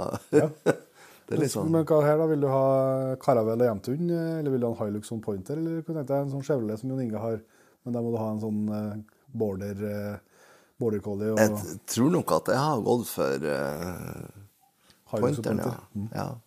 Du har jo kledd Ja, Hilux, Svein. jeg har kledd det. Ja, ja. Det er liksom ikke nøye. ikke? Vi stemning uansett. Jeg har hatt en primus baki som du har trukket ut. Ja, ja, ja. Hun er råvarer bak og kan Ja, lage ja. lunsj. ja, hva faen. Det er bra. Yes. Vi tar et uh, Folk er kreative, altså. Ja, det skal ganske ut. Vi Artig. skal ta et matspørsmål, eh, og da må jo du eh, Du vil gå til først, i hvert fall. Altså en uh, Jonas Brenden. Han er litt lei av tradisjonelt tilbehør og fløtesaus til skogsfugl og ryp. Har du noen spenstige alternativ for å utnytte viltet? Ja, fy søren. Da er det jo bare ett tips, og det er å lage ei god kraft. Og så det å tilsette f.eks. blåbær. Mm. Du kan ha litt solbærsaft mm. eller blåbærsaft. Åh, det er jo nydelig. Og så få eh, kjøre det her i lag. Og så når eh, den har fått koka litt ned, og så tjukna litt, eh, så kan du, du kan jo jevne den med og Er du glutenallergiker, så kan du ha maisene, eller så kan du jo Hvis du jevner den litt, Så den litt, og, og så tjukner den bare litt mm. For det er jo fint på tallerkenen, syns jeg, at det er litt hold i sausen. Så ikke bare flyter utover. Ja. Ja. Og så eh, er det at du monterer den med smør. Eh, og da må man gjerne bruke usalta smør. Man kan bruke vanlig òg. Ja, men da må man du være forsiktig med saltinga før. Ikke sant. Det er viktig med salt. Men det å lage en sånn bærsaus, det er fantastisk. Mm. Så det anbefales. Du må ikke ha fløte. Ja, de siste årene så har jeg laga Og vi har jo også hatt det på flere av turene, at vi har laga uten fløte. Og det må ikke være fløte. Selv om det av og til kan være godt eh, med en fløtesaus. Men prøv med ja, tyttebær, blåbær. Ja, kanskje spesielt synes Det er rettene som du lager når du har hatt sånne sauser. Når det er sånn eh, typisk om det skal være fløtepoteter, eller at det er en puré som du snakker om, sånn som kanskje du er jo glad i alt, du er glad i at det skal være litt kr- krem. Ja. Uh, og da eh, Du har en historie om kremer, kan vi ta etterpå. Ja. Uh, men, uh, men, Det, det, kom nye i går, faktisk. Ja. men, der, men, da, men da er det ekstra fint med en saus som ikke liksom dobler den her, eh, den her hvis, For det blir jo veldig mektig. Hvis man tenker litt sånn her sødme Portvin er jo knallgodt. God kraft, portvin, eh, jevn smak til. Og så er det liksom hvis man reduserer, altså koker og damper bort eh, væska, og så smaken som sitter igjen, Det blir bare mer og mer. så blir det mer og mer. Så må man være veldig nøye med å ikke ha for mye salt, som vi sier fra begynnelsen av. At man smaker seg til på slutten. Så det er et godt tips. Prøv det. Og så sånn tilbehørsmessig òg, så må jeg jo si at å bytte ut potet og grønnsaker med f.eks. pasta Ja. er slett ikke dumt. Det- Hverken til fisk eller til men Sånn som i dag fikk vi jo fikk vi jo eh, helleflyndre. Mm. Eh, Og pasta. Jeg sier hvitfisk da, og Ja. pasta. Og det, er jo, det har vi vel fått med, ja, med viltkjøtt. Veldig godt. Så det er, bare, det er bare å utforske og prøve. Ja, og likeens et tips som uh, kommer fra deg også, en som jeg har blitt veldig glad i til forskjellige viltretter, og sånn, det er jo den her uh, å steke sånn grønnkål. Mm. Kjempegodt. Uh, Som på litt pynt, men altså, det er en jæklig god smak, det her stekte grønnkålen. Det, er- det er jo helt utrolig at det er vegetarsk, nesten. Sånn Ja. det, Og så er, det- er det jo visuelt på tallerkenen at du får litt farge. Og, og litt crunch og ja. Den kan jo friteres i olje, eller den kan Da må man passe på at den Stekes. friterer for lenge. Ja. Ja. Been there. Nei, det var et uh, fint spørsmål. Anbefales å prøve noe nytt. Bra. Uh, da er neste her, da, fra en Philip Hovde Kjeserud, Jon Inge. Ja, Det er litt fint. det er det. det fineste. Eh, Det er til Magnus og Svein. Uh -oh. Hvem har den beste elghunden av Jon Inge og Jon Petter? Det ble stille. Her blir det klipping, antagelig. Oi! Eh, Dere har jo ikke vært med dem. vi har jo ikke vært ikke- Vi har jo ikke vært De har, de har i hvert fall ikke vært med de dagene Nei. De er gode. Vi, eh, vi brukte jo din når jeg skjøt uh, Når jeg tilfeldigvis skjøt 15? skjøt 15-spiringen. Så jeg, jeg Nei, det, det er faktisk eh, Helt ærlig så har vi jo ikke jakta sånn. Nei, så at, ikke. eh, Jeg vet jeg vet ikke om jeg får til å svare på Nei, det. nei det, det, verste, verste er at jeg vet ikke jeg vet ikke heller. Nei, det er ingen, som får til å svare på. jeg tror det er litt dagsform på hundene òg, sikkert. Uten at vi kjenner hundene. Hvis det kan være et godt nok svar. I dag, er, dag hadde jeg valgt Dime framfor uh, Brutus. Ikke Ja. for at jeg mener jeg er bedre, men bare for at jeg er yngre. Ja. Det er lenger igjen. Ja. Men jeg er Det ikke, er jeg er jo ikke, ikke, ulempen hans. Ja, jeg er ikke noe sikker på at Ja. det blir nei. Fordi. Så det, nei, så, så er det, det er jo sånne spørsmål som mange har, mange har fått av gjestene våre, sånn som vi har spurt. sant? Ja. Spurt han liksom, hva er beste hund har hatt. Og noen har hatt noen sånne, ei sånn stjerne Ja. som liksom er bare ekstremt mye bedre enn alt annet. Men vi Det, har, vi det, har det er ikke jo sånt. vi- ingen av de hundene vi har nå, er sånne. Nei. Og så er de jo gode på så mange altså, Noen, ja. De har forskjellige ja, styrker. de, Alle alle de så jo en, to, tre, fire, fem forskjellige elghundene vi har, har forskjellige, forskjellige styrker. Ja. Jeg er sikker på at det ikke er. Ja. Det er, ja, det, Det, vi, vi lar det være uavgjort på det spørsmålet. Så det ikke blir å krangle. her. Ja. For å bevare kvelden. Vi tar et eh, til fra Stian Trana Vestnord. Jo. Eh, Det går til Jon Inge om kvote, tilgang og jakttid på elg og gaupe har det vært likt, og dere måtte velge én art å jakte på livet ut. Jakte på elg eller på gaup. Gaup. Nei, det er faktisk, da tror jeg faktisk, jeg syns gaupejakta er spennende, altså, men Tenk deg for å gaup hele året. ja, jakte, ja, men det, Lik tilgang, lik kvote. Nei, ikke, ikke, ikke hele året. Det står jo at de er like. Så det er jo lik hvis at det er jo, altså, Ja. samme sesongen. Ja. er Sesong. like mye. Men eh, hvis, det, samme den her, kvote. Hvis du da ser for deg at det er så mye gaup da, som det er elg nå Mm. hvis at du kan jo slippe den ut på frisøk på bæremark, og det stort sett så blir uttak hver gang. Eh, da tror jeg at elgjakta er mye artigere enn gaupejakta. For at den gaupa vil jo veldig ofte bare springe eh, på bæremark med godt trena hunder. Så vil jeg jo veldig ofte bare springe opp i et tre da, og smitte og skjøte. Ja, så enkelt. Nå har det så enkelt ut. Ja, det hørtes kjempe- Jeg er helt enig, men altså, altså eh, erfaringa Jeg har jo ikke så voldsom erfaring med gaupejakt, jeg, altså. Men det jeg har vært med på, så, så er det jo sånn eh, Den jakta vi eh, har, da, så er det klart det er mye folk, og det er ringing og, og alt sånt, så du må liksom tenke på en annen type jakt, da. Og jeg tror at altså, gaupa er fantastisk eh, på alle mulige vis. Men noe av det som gjør det så spennende så ekstra nå, er jo at den er så unik. Ja. Hvis du tenker på at det er lik vanlig. Ja. Når du kjører på, kjører ungen på skolen, så ser du to gauper om dagen, liksom. Sånn som du gjør med elg. Så, så får du, vil du få et helt annet forhold til viltet. Ja, da, tror jeg at spekteret og kapasiteten til elgen gjør den til et mer interessant jaktvilt med hund eh, enn gaupa. Og matmessig. Ja, men, eh, Ja, men har du smakt gaup? Nei, det, det skal jeg gjøre. Ja. Det blir jo mer mat til elgen i hvert fall. Det blir mer Ja, mat, ja. ja. Hvis jeg skulle spist kjøtt av et rådyr, Tøft. da tror jeg gaupa har vært foretrekt. Ja, det tror jeg. Det er jeg enig i. Nei, altså, altså, altså, Gaupa har masse fantastiske egenskaper, og, og sånn, men, men uh, problemet tror jeg sånn, uh, er jo at jeg tror faktisk at hvis du har så mye tilgang det, det du sier, det, du, du, blir, du, blir, lei av det på et vis. Ja, for jeg tror at kapasiteten til gaupa sånn rent fysisk Her er, jo sånn bare, det er bare tull fordi det kommer aldri til å skje, men kapasiteten til, til gaupa rent fysisk er jo ikke det samme som elgen. Nei, nei, nei, nei. Ergo så vil det bli og det er veldig mye at det å klatre opp i et tre, da. Mm. Sånn som du ser på. Og det er klart at det er jo spennende sted òg, hvis, hvis du har muligheten til det en gang i året, sånn Ja. som det er for oss. Ja. Men hvis, hvis det er 70 dager i året Her er Så- problemet når, når, vi sånn jeg. når vi skal di- er Diskutere. sånn dilemma. Så, Ja. så, Argumentere ja, sånn. ja. så så blir det, har sett han her som et spørsmålstegn. skjønner ingenting. Nei da, men, men jeg, hadde fortsatt, eh, jeg tror jeg fortsatt med elgen. Ja. Det Jeg har fortsatt- jeg har jakta gaupe. Ja, men det må du få lov til. Ja, det er bra. Neste spørsmål, eh, karer, det er fra Herman Hy Synås. Hynås, ja. Han lurer på eh, favoritt viltkjøtt og favoritt drikke te. Du får starte, Magnus. Favoritt matrett med viltkjøtt. Ja, ja. Ja. matrett med viltkjøtt. er det. Nå har jo vi vært veldig privilegerte siste tida og fått servert ufattelig mye flott mat. Der kom flåtten igjen. eh, Tå Svein. Eh, og hvis jeg skal klare å drogge fram noe der, så eh, Ja, du er, du er jo kjent som renskokk.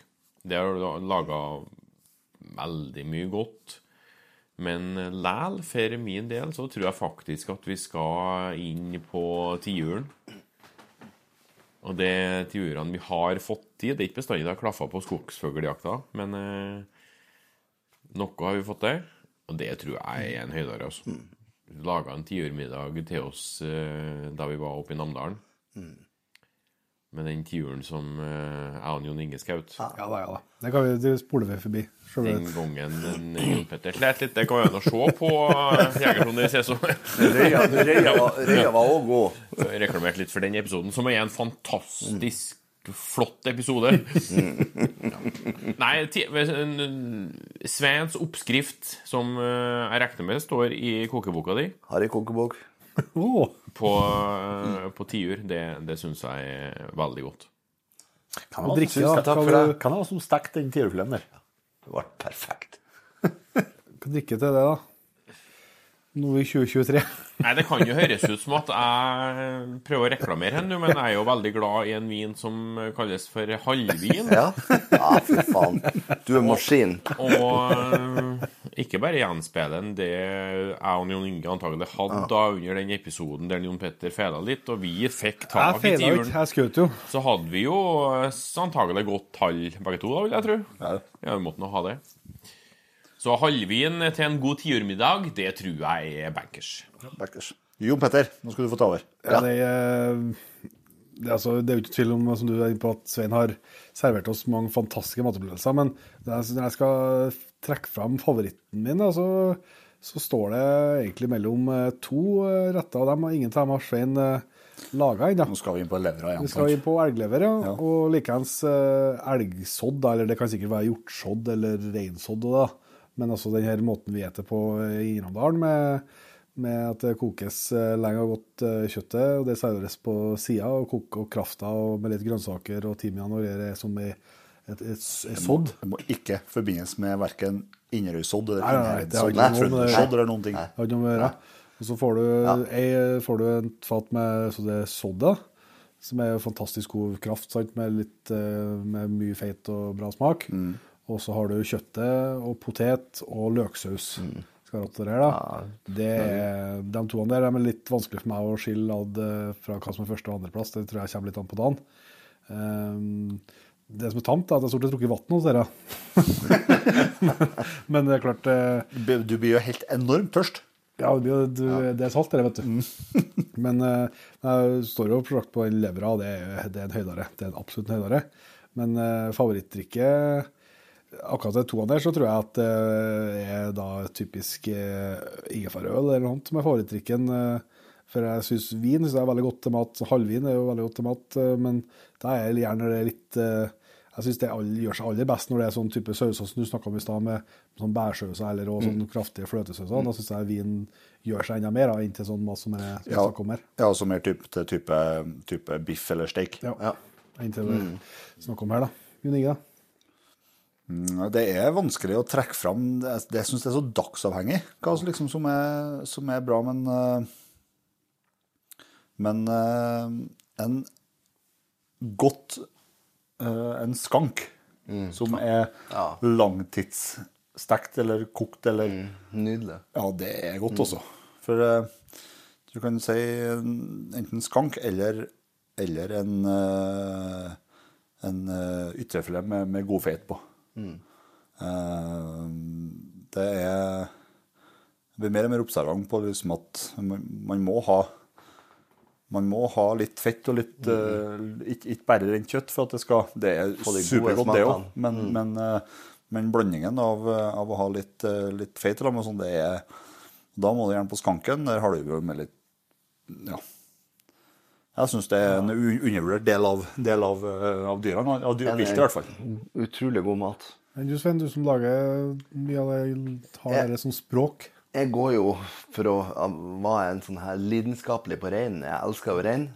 Men skulle jeg trekke fram to retter sånn, i forhold til spørsmålet, så syns jeg rypa er som en type forrett eller hovedrett en sånn litt sånn eksklusiv eh, råvare for meg å få servert.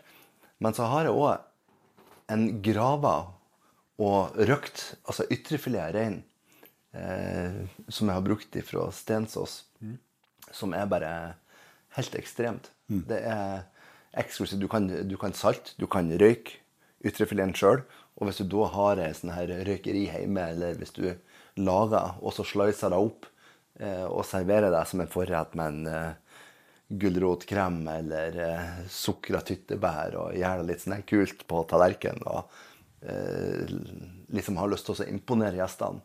Og akkurat til den retten så har jeg nå i 23 så har jo jeg òg uten tvil kommet til å være eh, halvvin ifra Ja, men det, det, altså det er så Tilfeldig. Det er så smaksrikt og delikat å få det servert. Den er drikker han til det meste. Så det Men en Så eh, man, man, skal ikke, man skal ikke bli overraska hvis man, hvis man av en eller annen anledning eller gjennom jobb skal på julebord på Scandic Meiergården.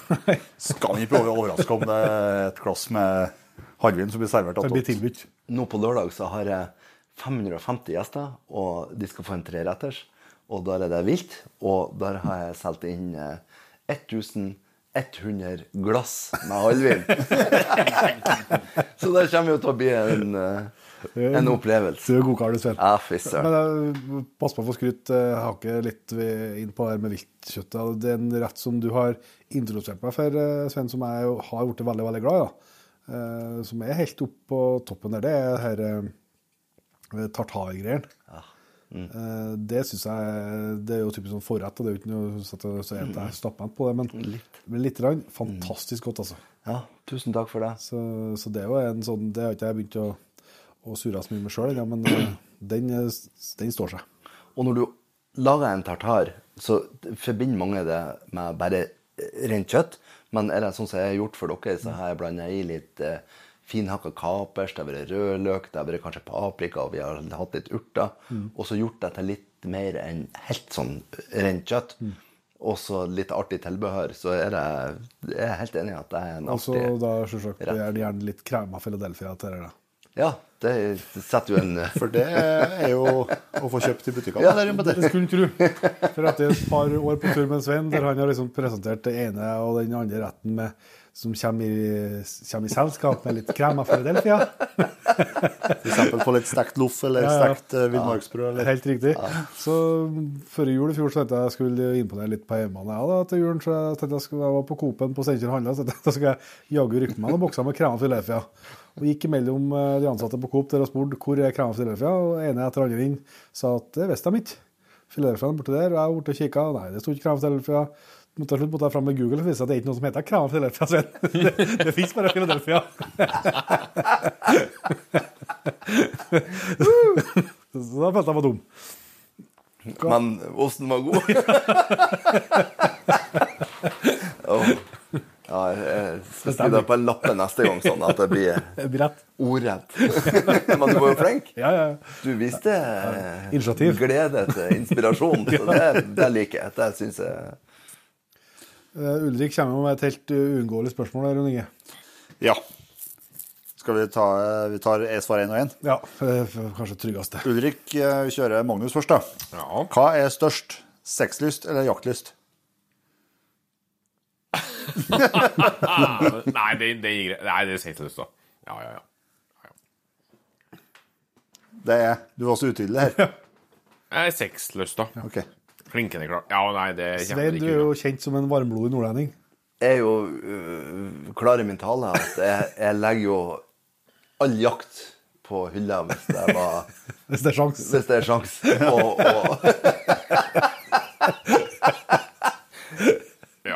det Magnus. Ja, men jeg, Det er det klokeste Du vakker nordlending. Jon Inge, da? Han retter på capsen. ja, det er ikke Jeg er Glad i jakt. Den er Det er vanskelig Det er, bra ikke et, det er jo et, det er jo ikke et dilemma her. Nei, men Det er jo hva størst. Det er jo en som, en kan jo være 49 andre 51. Ja. Men en er jo da Det er 51 jaktlyst, tror jeg. Tror du det? Ja. Ja, jeg er jaggu ikke sikker, jeg. Eh, Det har jo, som du Det, er, det, er som, det er som du sier, det er knepent, ja. Ja, det- ja. Men hvis jeg kan få vi, vi, snakker ikke om noe 70-30 her, nei. Hvis jeg kan få føye til før Jon Petter svarer, Ja. så er det går veldig inn i hverandre, de to temaene. Og Det er lidenskap, tenker du på. At det, Ja, ja, det er nå én ting. Det, er jo- det er jo greit nok. Men um, du um, For min del Nå er jeg spent. jeg. Hvor skal vi hen nå? Vi vet jo det at det er en fordel å ha godt hall når du skal ut på jakt. Al altså har du hatt Ja, altså, antagelig ja, en liten seanse før, da. Jo. Men hvis du da er for, Hvis jeg snakker kun for min egen del. Hvis jeg da har vært ei uke på jakt, f.eks. i lag med dere, og det har vært litt guttastemning og litt skitprat på bakrommet, og vært mye ute i naturen, godt, og fått uh, brukt blodpumpa litt, og det produseres testosteron Du kommer hjem igjen, da. Da Ja, ja. er det ikke noe tvil om at den førstløsta er stein jaktlysta. Nei. Og da, da har du en sånn ja. sirkel, da. sant? Så da kan du fortsette med det fram til at du skal på neste tur. Og så går jeg tilbake igjen. Og Det- da, da er det en sånn pendel. Det er jo det som er bra med å ha lidenskap i livet, sant? for at da er det alltid et, eh, et mål og alltid et savn. Ja. Hvis du er, Når du er hjemme og har god tilgang på det ene, så kjennes det ene løst større, og motsatt. Og Det er jo et uh, privilegium i livet vi har, vi som eh, kjenner på lidenskap til det ene eller andre. Det er det. Jeg tenker vi er ganske enkle som mannfolk. Vi er sånn veldig, sett. enkle, vi er veldig enkle. Ja. Spesielt du, Sven. Det er godt. ja, det er godt. Nei, jeg, Det var filosofisk veldig sterkt. ja, og så, så, så slipper jeg, Ja jeg å Vi svare. er enige, vi er enige. Nei, du er ikke ferdig med å svare, nei. Nei, men jeg, jeg vet da søren. Altså, jeg, jeg har jo som sagt eh, til deg, Jon Inge, vi, vi snakker jo både om det ene og det andre, nær sagt. Jeg har jo to lidenskaper i livet, og det er ungehunder og Ja. Det er jo det. Er det altså, så setter jeg jo pris på nærmeste familie og Braga og sånn også, det er ikke, men eh, eh, Nei, det, det er klart, nå har vi vært snart i vekka på tur. Det kan hende at det preger svaret, men eh, 52-48 på eh, seksløs, da. Ja. ja. Eh, Daniel Himo, Magnus han har et uh, dilemma til deg. Jaha. Han er vel gitarist, han. Ja, jeg, jeg spiller ikke eh, bass, han, tror jeg. Det er gitar. Det er mulig. Ja. Ja, stemmer. I hvert fall, Han eh, lurer på om du, hvis de valg mellom alltid gamle gitarstrenger eller alltid bom på førskuddet på haglejakt. Oi. Eh, Nå skal jeg være ærlig og si det at Det er stort sett bom på førskuddet. Nei. Nei. Det er stort sett gamle, det er stort sett gamle, er, stort sett det gamle blir gitarstrenger. det blir gærent å si. Men eh, gamle gitarstrenger er ikke dårlig. Du får en, eh, en ofte en varmere tone når strengene er Altså toppen på strengene Når du setter på nye strenger, så er det veldig mye diskant. Og ganske stor og fyldig tone, for så vidt. Men han er mye kvassere, da. Og det er veldig mange gitarister som bruker gitaren lenge, finner dem f.eks. skal i studio, som ikke vil ha den diskanten. For det, får du, det kan du skru til i studio da, på et vis. Og vil ha en sånn rund og varmere tone som du får av godt brukte strenger. Så det Med mindre at de ryker under spilling. Ja, men det, så, Du må tenke at de er så de er så på kant at du vet at det er sannsynlig stor vekt for at det ryker under spilling. Da blir det annerledes igjen. For da, hvis du skal stå og spille i to timer, så er du avhengig av at strengene holder helst. da. For du kan Så jo få en helvetes stygg lyd. vi må jo. Pushe det- her så at det blir Ja. tett oppunder. ja. Eh, Men at strengen er gammel, det er jo bare positivt, tenker jeg. Det gir jo bare en fin lyd, Se, kommer fra en over 50 år, eller? tenker jeg. Ja, men det er ikke Samme hvor gammel det er, så er det vondt når den går av.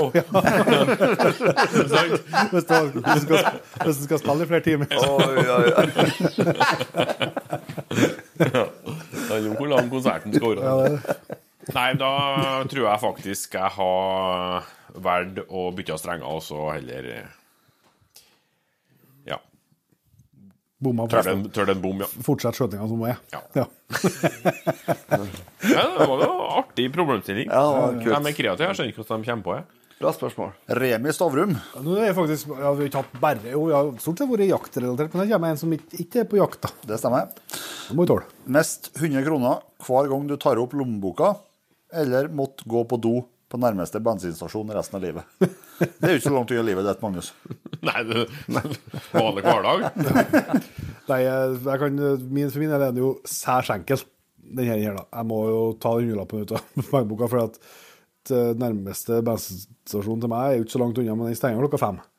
Så da har jeg fem mil eh, ja, til nærmeste døgnåpne, så har jeg vel 14 mil. Så det blir, blir drygen. Det blir mye eh, Ja, er så klart den kunne ha gått ut, der, selvsagt, eh, og sluppet å spare de kronene, men eh, det er tussig Det er tussig musedo. eh. Nei, så jeg får nå jeg får nå slutt med snus, da. Jeg tar den hundrelappen. Jeg tar ikke opp pengeboka så jeg måtte, ha, jeg måtte faktisk ha valgt bandserten, ja. For jeg skiter jo fem om dagen. Gråt. Ja. jeg har ikke. Og så bor jeg sentrum snart på Levanger, så har vi radi. Så det, det er enkelt. Det er greit. Jeg tror nok jeg har spandert en hundrelapp. Ja, jeg har gjort det òg, gitt. Ja, du bor ikke midt i Jeg bare bor ikke midt i smørøyet med fullt av eh, døgnåpne bensinstasjoner rundt meg, gitt. Nei. Ivar Nustad han øh, kommer med et dilemma her. Jakt med hund, men ingen alkohol på hytta om kvelden. Eller uten hund og alkohol til kveldskosen. Nei, det er dropp alkoholen. Ja. Vi har hatt med hund. ja. Lett. Ja. Ja, ja. Ja. Det er litt å spekulere på. Ja. Det er jo glad til både en og annen, men ja. Jakter jo ikke for å drikke. Nei. Marte Seljås. oi, oi, oi. Magnus Hestegrei. Hei sann. Hei, Marte. Jon Inge eller Jon Petter som læremester og mentor? Skråstrek mentor. Fy faen, for noen spørsmål jeg har. Nei, den er vanskelig. Jeg kan, er jeg kan bare føye på at jeg tenkte vi skulle fjerne det i stad, men Jon Petter ville ha med. OK. Ja, For jeg vil ha dårlig stemning. det kan ikke være, kan ikke være bare artig eller Svein. Eh, nei, men da eh, Kjære Marte, må jeg bare få lov til å si at de er jo fantastiske på hver sin front. De har jo sagt det sjøl. Det kom et spørsmål om, eh, om hvordan de starta opp eh, Jegerpodden. Og da sa han Jon Petter det at det var mm, spunnet ut ifra hans idé om å ta med seg den eh, beste jegeren han visste. Eh, og jeg ser jo det på noe. Litt eh, pedagogikken og teorien som da kom fra Jon Peter. Og så har vi eh, det praktiske og, og rene tekniske utførelser som profesjonaliseres med Jon Inge. Som gjør at de utfyller hverandre og har skapt det produktet de har nå. Og sånn er de når de eh, tok meg under vengene som læregutt òg. Så det å si at enen er noe bedre enn andre, det er veldig vanskelig. Men eh, eh, hvis jeg skulle ha satt meg ned og i mitt eget hode blitt en bedre jeger, så har jeg tatt en kveld med Jon Petter. Og hvis jeg skulle ha fått det ut i fingerspissene, så har jeg tatt med Jon Inge ut. Så de får 50-50 der, altså. 49. 49. Det får bli så solidarisk som det blir. Nå var spørsmålet til Magnus, men jeg er faktisk 100% enig. Det er to forskjellige fantastiske egenskaper dere har. Det er, dere er ekstremt gode begge to på hver sine felt. Og så fletter dere hverandre veldig godt inn. Så det er utrolig digg å være sammen med dere. Takk skal du ha. Vi lærer masse. Takk det samme. Det ble litt mye av en enkel mann, det, vet du. Men Cato Bakke, Jon Inge, han er på ballen. og Han er på ballen. Den er jo ganske enkel, da. For at han sier at uten Svein Jæger Hansen med på Jegertoner, så hadde jeg antagelig ikke blitt spist så mye god mat som han serverer. Det er helt riktig. Og da lurer han på hvem har tatt ansvar og vist kokkekunnskaper hvis han ble skjenglingene? Det kan vel ikke være spesielt tvil om at da er det vel en som tydelig utmerker seg. Ja, det er ikke meg. Nei, det er meg, det ikke? Jo, jo, det Hvis du, hen, nå, hen, hvis, du nå, hvis du nå henviser til de konkurransene som vi har hatt, Matlaging, ja. der du har hatt med deg en kokk på laget, ja så vil ikke jeg si at det er særlig Nei, men jeg, jeg føler at jeg skal ha at jeg, altså, Ikke at jeg overgår Svein, det er jeg enig i. Men de to andre hookertene her skal jeg pine deg gjøre skal opp. Ja, nei, det- jeg kommer ikke til å framheve mine matkunnskaper, laging, i det hele tatt. På- Men eh, det er ikke mange som skal komme på den, ting den gangen det skjer, at vi, at vi tre skal på tur uten en svelt, så vet du at han skal lage mat. Ja, Men det er forholdsvis klart. Det er ganske giftig å, å droge fram med så det, kraftig altså, som du gjorde. men så jeg jeg er jo overraska at dere ser det på samme sted. Vi, noterer den. Jeg er jo som en Svein, jeg er ydmyk og sjenert. Du vet, du vet, du har fått har- du vet du har fått dårlig stemning, i hvert fall. Det. Jeg, har- jo bare læremester og hatt dere ja. alle tre Ja, du har det. med. Og Nå må du i hvert fall du når, og når dere er med på, på settet, og at vi får lov å gjøre litt sånn show for eh, gjestene, eller for film, eller for Så er det utrolig artig å se at dere alle er like gira og ivrige til å kutte, og verdensmester i kutting, og Ja, for det er det jeg tenker Nei, men verdensmester er jo Verden blir litt svært. Det er jo litt sånn utfylling her også, for at du, er jo, du heller jo også når du, når, når du Når du kommer til kutting. kutting. Kommer til kutting, for eksempel. Der, du gikk jo eh, næringsmiddel, hva er næringsmiddel da. Jeg gikk grunnkurs hotell- og næringsmiddelfag på Verdalen i 2001 og 2002. Ja. Det du fikk du skryt for kuttinga di. Da fikk jeg skryt av Elin Ranheim, som var der inne, av kuttinga mi. Det var spesielt eh, purreløk.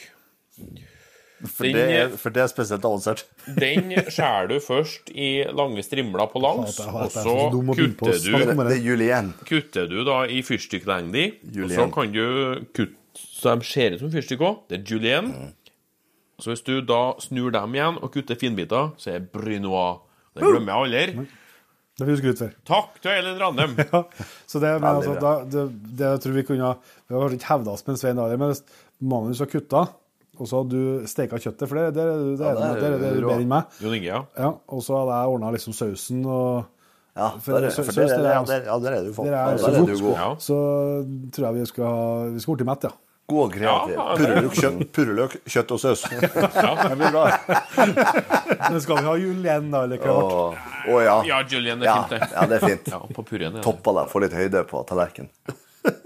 Vi skal fortsette i matverden, Jon Inge. Christian Dyrli, hvis gitaren hans hestegreie var det eneste som kunne brenne oss, Stakkar. hva har Svein Jæger Hansen rukket å lage før den var oppbrent? Ja, Hvor da, lenge, hvor lenge, hvis du liksom bryter opp gitaren, tror du, hvor lenge har du bål sånn passelig? Jo, men nå var jo vi på en felles fest Nordafer i sommer, og da ble det jo lagt en gitar på bålet. Og jeg kan vel så Det vidt var komme her at den utrolig brann i, en stund. Det hadde jo hardt treverk, mye av det. Så han brann vel kanskje en liten Skal vi snute en tynn time, da? Nei, det var drøyt. ja. ja, det var Nei, noe drøyt. kun gitaren. Det er jo ikke det legger på et ferdig bål. Nei, stemmer det. Ja. OK, Jeg gi vil den en liten anslå gi den- 20 minutter. Gi den 20 minutter, ja. Hva er det beste du får til på et bål på 20 minutter? Sven? Og, eh, det er godt, godt emaljert og bra med lakk. Hvis, jeg skulle til å si, hvis vi tar bort giftstoffene, Ja, ha grill når sannsynligvis når du panner. Nei, panna. Ja, da Nei, fy søren, hva du tror en uh, liten uh, ytrefilet av rein med godt smør og rosmarin Hvor lenge må ja. du steke den i panna? ja, det tenker jeg at uh, jeg skulle ha klart å få til på den gitaren din, i hvert fall. Ja. Ja, det har jeg. Med hviletid i tillegg. Jeg da skjønner ikke om hva vi sitter og snakker feil om blodprøve. Vi må se om vi finner en lighter Ja. Ja. Yes. kreativt. Eh, Børge Homstad. Han er med, han òg, vet du. Belgen? Belgen. Yes. Han lurer på uh, Vi bruker jo å spørre alle våre gjester om uh, deres beste jakttips. Uh, og Nå ser han at nå er det på tide at dere, da vi mener alle opp da, kommer med deres beste jakttips. Gjestene kommer med en hver episode, og det er lenge siden dere har kommet med det. Svein kan få starte. Hva er ditt beste jakttips? Det er at eh, du planlegger turen godt, sånn at du kan unne deg et lite måltid når du eh, først er nede på fjellet. Ja.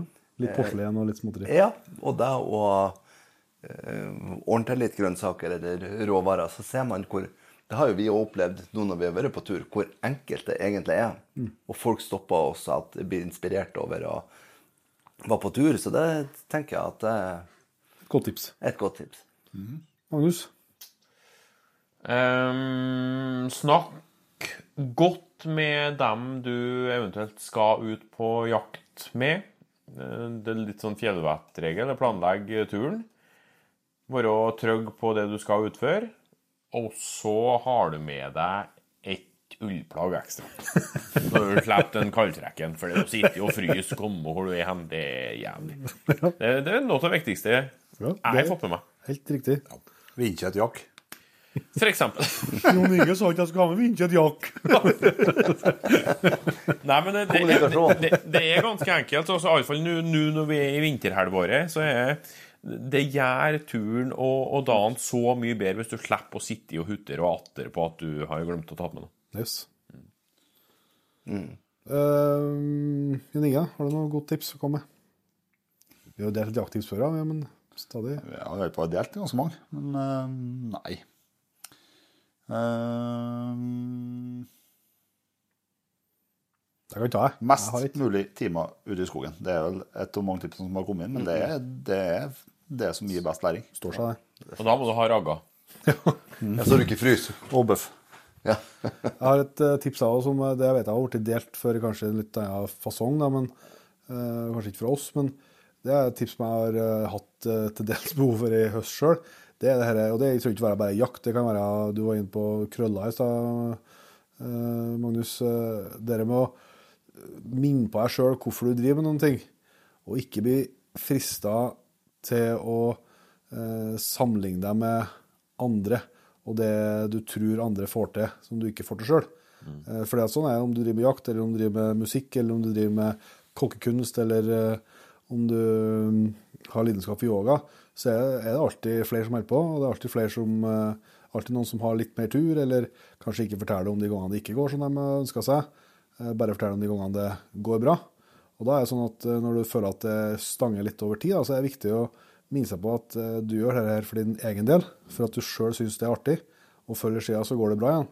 Ikke bli frista til å eh, se for hardt på Instagram eller på Facebook og tro at eh, det går kjempebra til alle andre. For samtidig er det ikke sånn. Det er et, eh, det er et godt eh, tips eh, både i jakta og ellers, det. Godt tips. Det er det. Mona Øvereng.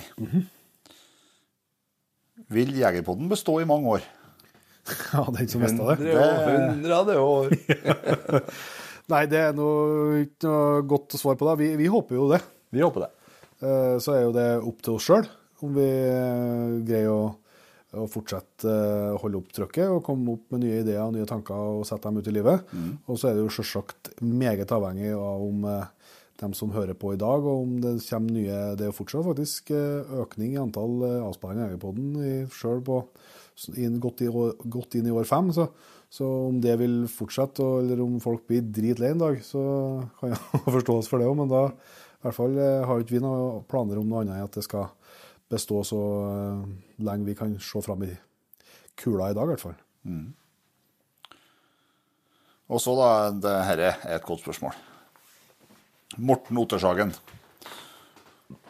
Om dere måtte velge ett talent, en egenskap eller et kjennetegn på en av de andre i Jegertoner, hva ville dere valgt? Eksempel Sveins kokkekunst, evne til å være på rett eh, sted til rett tid, hårmanke osv. Og, se, og føle på at her er en god mulighet til å skryte i dag hverandre. Vi, vi skryter ikke så mye i laget her. Jo, vi er jo rause. Vi er rause, jeg tuller bare. Vi er jo det. Nei, men da så forutsetningene greie. Du skal velge én egenskap, eh, kjennetegn, talent eh, ved hver enkelt. Lett. Jeg begynner. Du begynner. Så- Umiddelbart. Og da begynner jeg med deg, Svein. Du har jo en egenskap som alle som har sett deg i mer enn tre sekunder, har lagt merke til. Og det er at du er genuint positiv. Det, er, det, det kan virke som at du tar på deg mask, men det, det er ikke det. Du er sånn. Og du kan, du kan treffe ukjente folk hvor som helst, og så har du en setning klar om, at du stopper sammen med ei bru i Trondheim, fantastisk flott rekkverk. og så er samtalen i gang. Uansett. Og det, det, den egenskapen misunner jeg deg. For det å, å, komme i kontakt med mennesker på en så genuin positiv måte som du klarer å gjøre, det er en gudegave. Og det er blitt sagt mange ganger. Har alle hatt det, så har ikke vi krig. Den skal Takk. jeg stjele litt av. Takk. Jon Inge, eh, du er innseg. Det er ikke sikkert det er så mange av Jegerpodens lyttere som vet hva det er, men du er det. Og Jeg er litt usikker sjøl, faktisk, hva det er for noe. innseg Det var Tor Gotaas som kom opp med uttrykket på eh, livepodkast. Han snakka om en Josef Helvete sånn, ja. og den karene som uh, var gamle slitere og travere. Uh, og det er ikke bare det at eh, en kan gå fort og, og hardt i motbakke, som gjør at en er innseg. Det handler om standheftighet eh, og det å klare å beholde roa i stressa situasjoner. Det har jeg sett deg i veldig mange ganger. En, en stoisk ro som er beundringsverdig. Og jeg har ofte kanskje latt pulsen ta over litt mye når det kommer til sommer. Så det- skal jeg prøve å snappe opp litt sånn. Flott egenskap. Den må, den må du ikke kaste ifra deg. Bra. Og Jon Petter er se, hva skal vi finne på det? Eh, nei da, eh, det er jo mm, det, det er mye en kunne ha dryget fram, men jeg er en stor beundrer av din evne til å tenke strategisk. Du er et eh, klokt hode. Det er jo ikke noe nytt, det, men det å klare å å ha såpass mange forskjellige baller i lufta. Selv om det kan virke som at Jegerpodden er ett konsept, og at ja, de, det er to gubber som sitter og snakker om jakt, og så er ikke en annen enn det. Så er jo bak henne hen så er det en svær paraply med med, øh, med god planlegging og år med tenking på så mange forskjellige nivå som ikke vises. Som øh, dere selvfølgelig gjør i lag, men vi snakka om i stad, det var din idé, og du er jo skolert med markedsføring og, og taktisk tenking fra før. Det er ikke sikkert det er så mange som vet det heller, kan jeg dra fram det. Og det å klare å først og fremst tenke, og så sette det ut i et så praktisk virke som d- henne dere holder på med egentlig er, da. Det er jo folk som holder på hele livet for å klare å få til det. Og det har dere gjort på under fem år. Og mye av det er jo din ære. Så det er beundringsverdig, og det respekterer jeg. Takk, takk. Veldig hyggelig. Det blir, Dette her er jo litt eh, tøft, det. ja, det blir Ja. ikke enkle Altså, litt å hoppe i det, var fryktelig dumt At han skulle begynne. skulle begynne. Ja. Det har vært enklere. For det er, det er noe av Hvis jeg skulle stjålet noen ting fra Magnus, Ja. fått egenskap for han, så er det nettopp det å klare å sette ord på ting. Og formidle det på en god og klar og tydelig måte med god diksjon. Du kommer deg? Til tross, til tross for, for, din, for din dialekt òg, men eh, det Nei, den der eh, Og det er jo det, altså, det er jo Det er garantert ikke alle som gjør det, men dem som, dem som hører på musikken din, som ikke har fått med seg teksten ennå, må sette seg ned oftere og høre på teksten og ta til seg teksten. Eh, For det er først og fremst der at eh, at uh, talentet ditt kommer fram. Og det, uh, det talentet kommer likevel fram når vi sitter og prater toenig og har, eh, har private samtaler òg. og det er virkelig en god egenskap. Mm.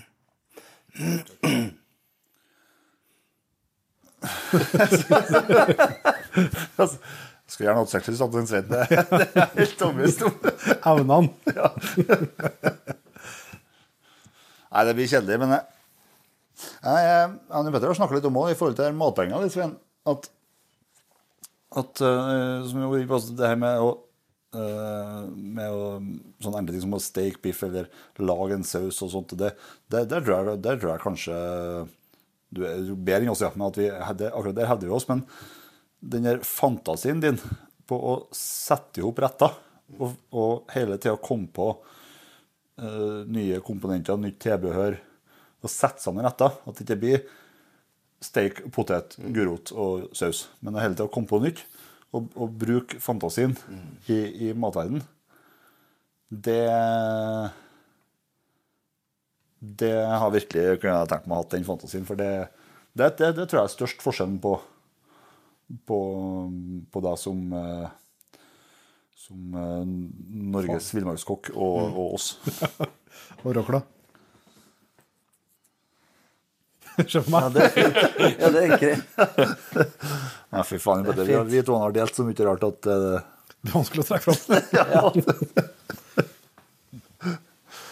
du, ok, Kort og enkelt. Skulle ønske at jeg kunne sovne like fort som deg.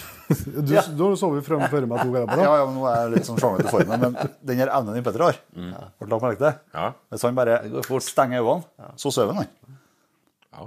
Ta igjen seg. Og ha, ha den evnen til å bare Bare legge seg ned, stenge øynene, og da hviler du og sover. Fy faen. Det har jeg kunnet betale mye penger for.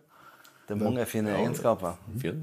Og jeg, jeg tenker òg at eh, nå har vi jo vært og vært på gruppevis, og vi har opplevd Og vi har jo gjort egentlig utrolig mye kult i lag på de her eh, årene, må jeg si.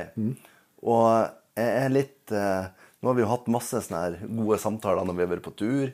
Vi har um, jeg blir litt sånn fascinert over Så vi kan ta med Jon Petter med eh, den her eh, eh, nøyaktigheten med å være så profesjonell i eh, å formidle eh, en budskap. Altså du, du liner deg opp, og så er det egentlig sånn her profesjonelt i, i, i måten eh, du gjør ting på, som er eh, beundringsverdig når eh, man klarer også se resultatet på hvordan ting skal bli. At man liksom lager et prosjekt, og så blir prosjektet egentlig knallbra for at eh, man har en logistikk som eh, ender ut i at eh, det er til glede for de som hører på, publikum, som et eksempel. Og det er jo masse sånne ting som har vært artig også å sett. Um, jeg tror den egenskapen til han Magnus Altså, ah, hvis det er noe jeg har vært, kunne vært misunnelig på, så er det jo den fantastiske stemmen og det å kunne synge og formidle. Eh, det, er jo en, masse, det er jo en egenskap jeg på ingen måte har. Men sjøl om jeg er, jeg er kanskje flink også å bjuda på, men eh, eh, det eh, han Jon Inge òg sa her, at måten du klarer å være tydelig og i tekst Og så tror jeg du har rørt eh, hjertet mitt litt med at eh, jeg har fått en egen god stemning. At, eh, at man klarer å, å sette ord på følelsene, og så klarer å få det ut nasjonalt. Det er kult.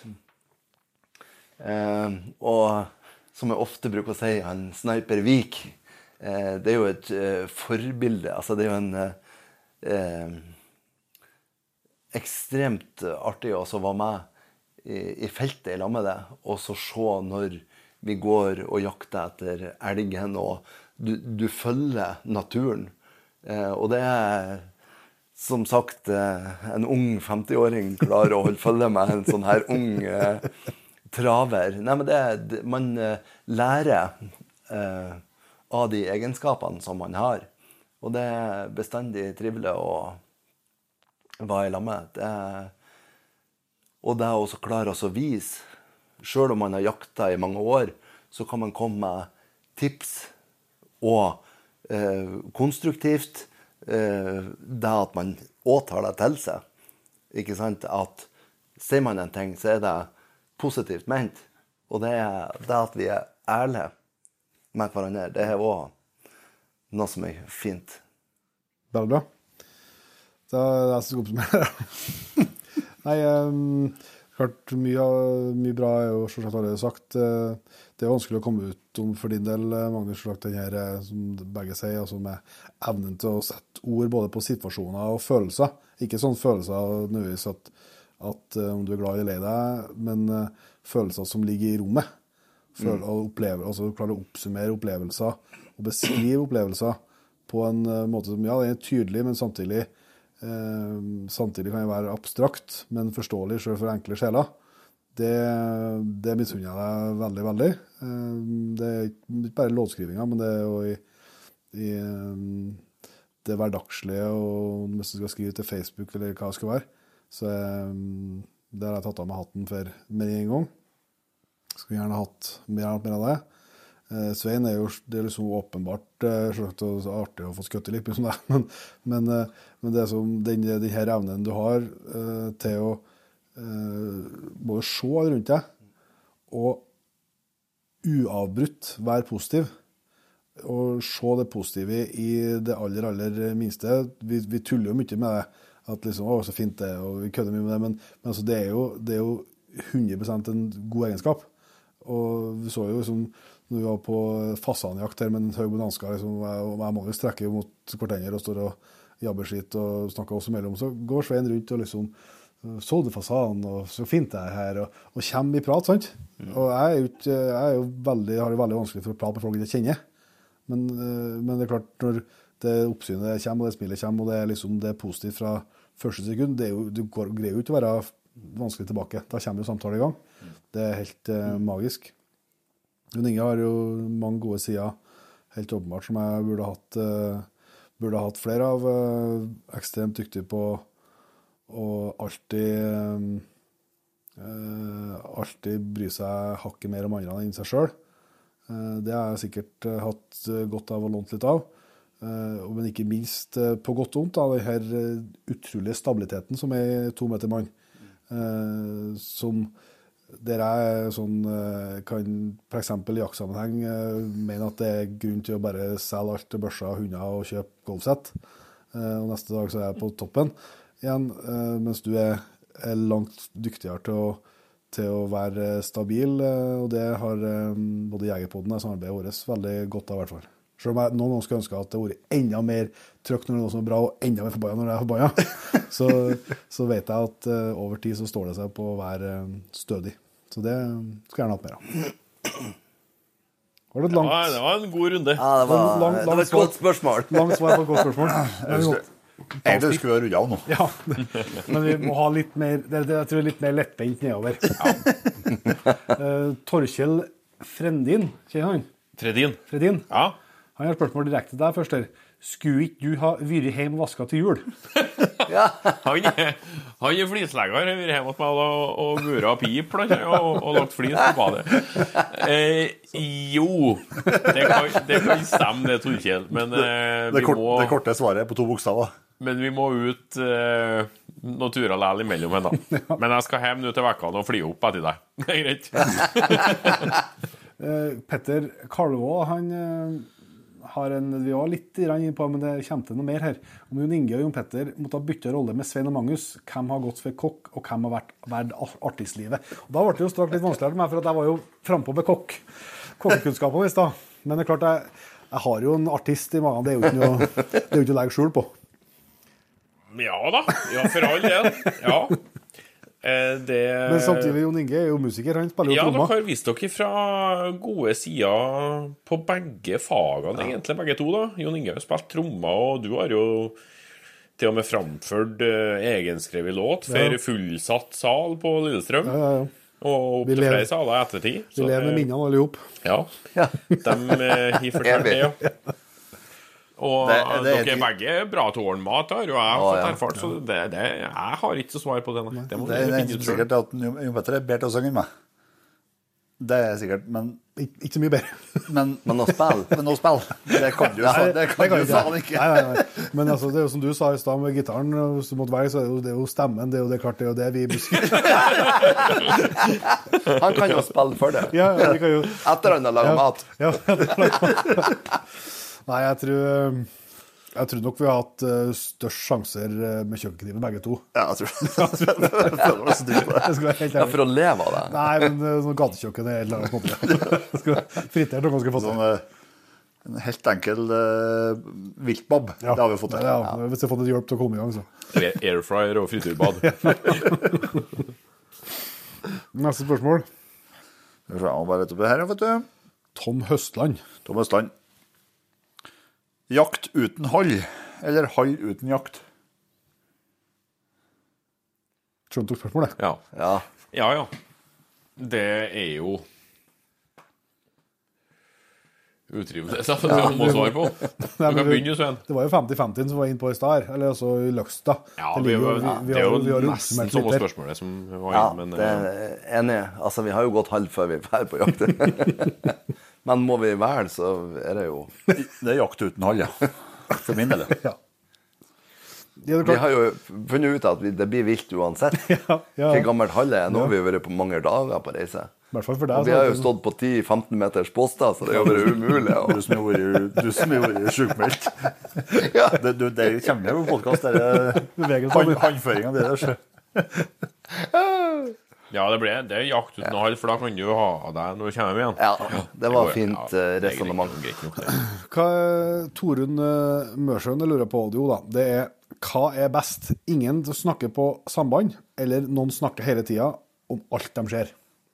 Ingen snakker på samband. Ja, den er grei. Ja. Sannhet og modifikasjoner. For at Dag, for eksempel, når du setter rett opp og ned og poster, skulle jeg gjerne hatt noen som har vært Hele tida. Underholdning. prata litt hele tida. Så at eh, når jeg, hvis jeg sjøl er litt i bevegelse, eller liksom har en sånn, sånn Hvis- frirolle, Hvis Magnus plutselig bare kom inn på radioen og så begynte å fortelle erotiske noveller på øret for Ja, eksempel. nå, jeg trekker meg på svaret mitt. Jeg svarte egentlig på stillhet, jeg nå, men eh, Ja, for det er, er sant. Det, det, det, det, det er ikke noe sånn Det er ikke noe enkelt svar på det, det som er tilfellet, er at i, I dag har vi sittet på Kveldspost. Ja. Vi satt, satt to og en halv time i Kårset jakttårn. Og det var kaldt. Nei, kaldt var ikke det. For noen. Magnus. Kaldt, jo. For noen. Faen. Faen, vi er i Danmark. Det er jo Ja, ja. Ja, men vi til å sjekke når det kommer. Det var. Frys når han skal fryse. Men, men kons konstruktive tilbakemeldinger på radioen Jo, jo. Hvis kommer det dyr, eller nå er det dyr på tur, så gjør du det Du blir jo mer skjerpa av det. Nei, ja, men det er klart, Hvis jeg, hvis jeg blir tvinga til å velge, så øh, har jeg jo som sagt tendens på til å legge igjen jaktrollen og slå den av. Så at, øh, jeg lyver jo hvis jeg, hvis jeg sier at jeg vil jeg skal være prating hele tida. Men de få gangene jeg må være på post, øh, så er det jo veldig artig når det er noen som er, Ja. prater litt og forteller litt hvor de er igjen. og hva de. Ja, og ikke. jeg har til dels eh, opplevd å kunne ønska meg litt lavere terskel for å kunne snakke litt tull på radioen. Du skal jo egentlig ikke gjøre det. Det er jo kutyme, men Jo, så er det blir en annen Sånn som i dag, så er det jo ikke mulig, sant? Da må det være stille. ja. Men, eh, men Nei, En kunne ofra seg. Nå har jo Svein skutt i. Så da kunne han ofra ja, han kunne begynt, å prate og juble og Ja. snakke om Det hvor fantastisk, fantastisk fint det er å kan, på jeg kan fortelle om uh, fine, opplevelsene. Følelsene de gjør meg. Følelsene. Dina Rønningen Berntsen hun lurer på hva er deres go to jaktlunsj? Og er det et must med bålkaffe på jakt? Eh, jeg kan ta, min er veldig enkel. Det er kakeskive med hvitost og bålkaffe. Veldig gjerne, men ikke et eh, Jeg gjør det vel såpass sjelden jeg jakter alene, i hvert fall. Jeg kan ikke kalle det et must for min del. Nei, Jeg følger kakeskiva og hiver ost og skinke på bålet. Det er godt, det er ikke det beste jeg vet, nei, men det er det som det stort sett er. Ja, det Ja, men det stort sett er. det er jo, jeg, spiser jo ikke annet enn det her heller. Får jeg noe ut i tillegg på jakt, så er det en kjempebonus. Åt ikke du rømgrøt hver dag? eh? Jeg gjorde det i halvannen måned i 2006, ja. Ja.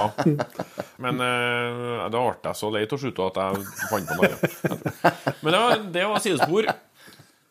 Uh, kaffen er Bålkaffe, det er jo Ja, det blir litt sånn du, ikke skal ha med deg termos, men det, det er bare tull hvis du vil ha kaffe og ikke ser for deg at du skal ha bål, så må du ta med termos, da. Jeg syns det er godt å ha kaffe på tur, så det spiller ikke rolle. Det, men det er stor stas hvis en kan tenne opp bål og grille Ja, ja, ja. og få satt på på svartkjelen. Det er en ekstra dimensjon, men Enig. Nei, altså, jeg er jo sånn som i dag, når du skulle sitte på Ja, ta- oppi tårn, så kan du jo ikke tenne til, da. Dumt, i hvert må du ha fall. Termos. godt på en termos med kaffe. Ja, men du har det. Den skulle jeg hatt i dag. ja, Den har jeg betalt 1000 kroner for i dag. ja. Ja. Så det ti om til. Det, det er akkurat det jeg òg har som kommentar, at det kommer litt an på hvilken type jakt du er på. Og når på, er det tidlig på høsten, så er det kanskje artig å lage et bål med noe ekstra. Ta seg tid til det. det liksom, er det lite rype eller lite dyr i terrenget, så kan det være en opplevelse å, det å lage mat ute. Og det er ikke et must med eh, villmarkskaffe, men det er, det, er, det er jo godt. Kaffe er jo fantastisk. Men skal du på en topptur på rypejakt og så gå i timevis, så er det jo knalltungt å få bære på en termos på over et kilo i tillegg til hvis rypa har vært 14 på 14-15 kilo. kvote. 14-15 kilo. Ikke sant? Så det kommer litt an på turen, da. Det er, jeg, jeg er litt, litt annerledes i oppskrift, for at jeg blir jo sur hvis ikke jeg får kaffe. Ja, men det var bålkaffe. Det var, det var et must. Ja. Kaffe er jo greit, men det må ikke være bålkaffe. Nei, På men alle turene. Det bør helst være det, ja. Ja, Ja, det er, du, har jo, du har jo dine ord i behold, vil du si, for at du elsker jo bestandig bål. ja. ja. Så det er jo, det er jo greit. Ja, Men, det er, men eh, lunsjmessig så er det jo så godt, det er jo kakeskive Det er jo med godt. ost og Ja, skinke. det er godt. Men hvis du har karbonader i fryseren, Ja, ja. Og karbonade oppå, så er det Ekstra. da er, det, da er det med. Og det, begge delene kan òg nytes når du kommer ned til bilen -mm. Da dropper jeg den, og så går vi til en Ola Observant. Ja. Bestandig gå i medvind, eller bestandig pris på fotene? Svein, Å, fy faen. Medvind er jo noe dritt. Og frys på fotene, det gjør jeg jo heller aldri. Men eh, det er sikkert ubehagelig for de som fryser på fotene. Da, da, da, da tror Nei, da, jeg jeg har øh, faktisk fryst på fotene og tatt korte drev. ja, For jeg har fått noe ut av jakta.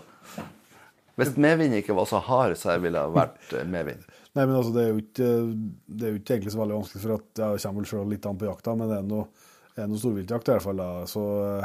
Så det er jo ikke vits Nei, det er bare å dra hjem likevel. Ja. Så jeg må nå bare bite opp, da.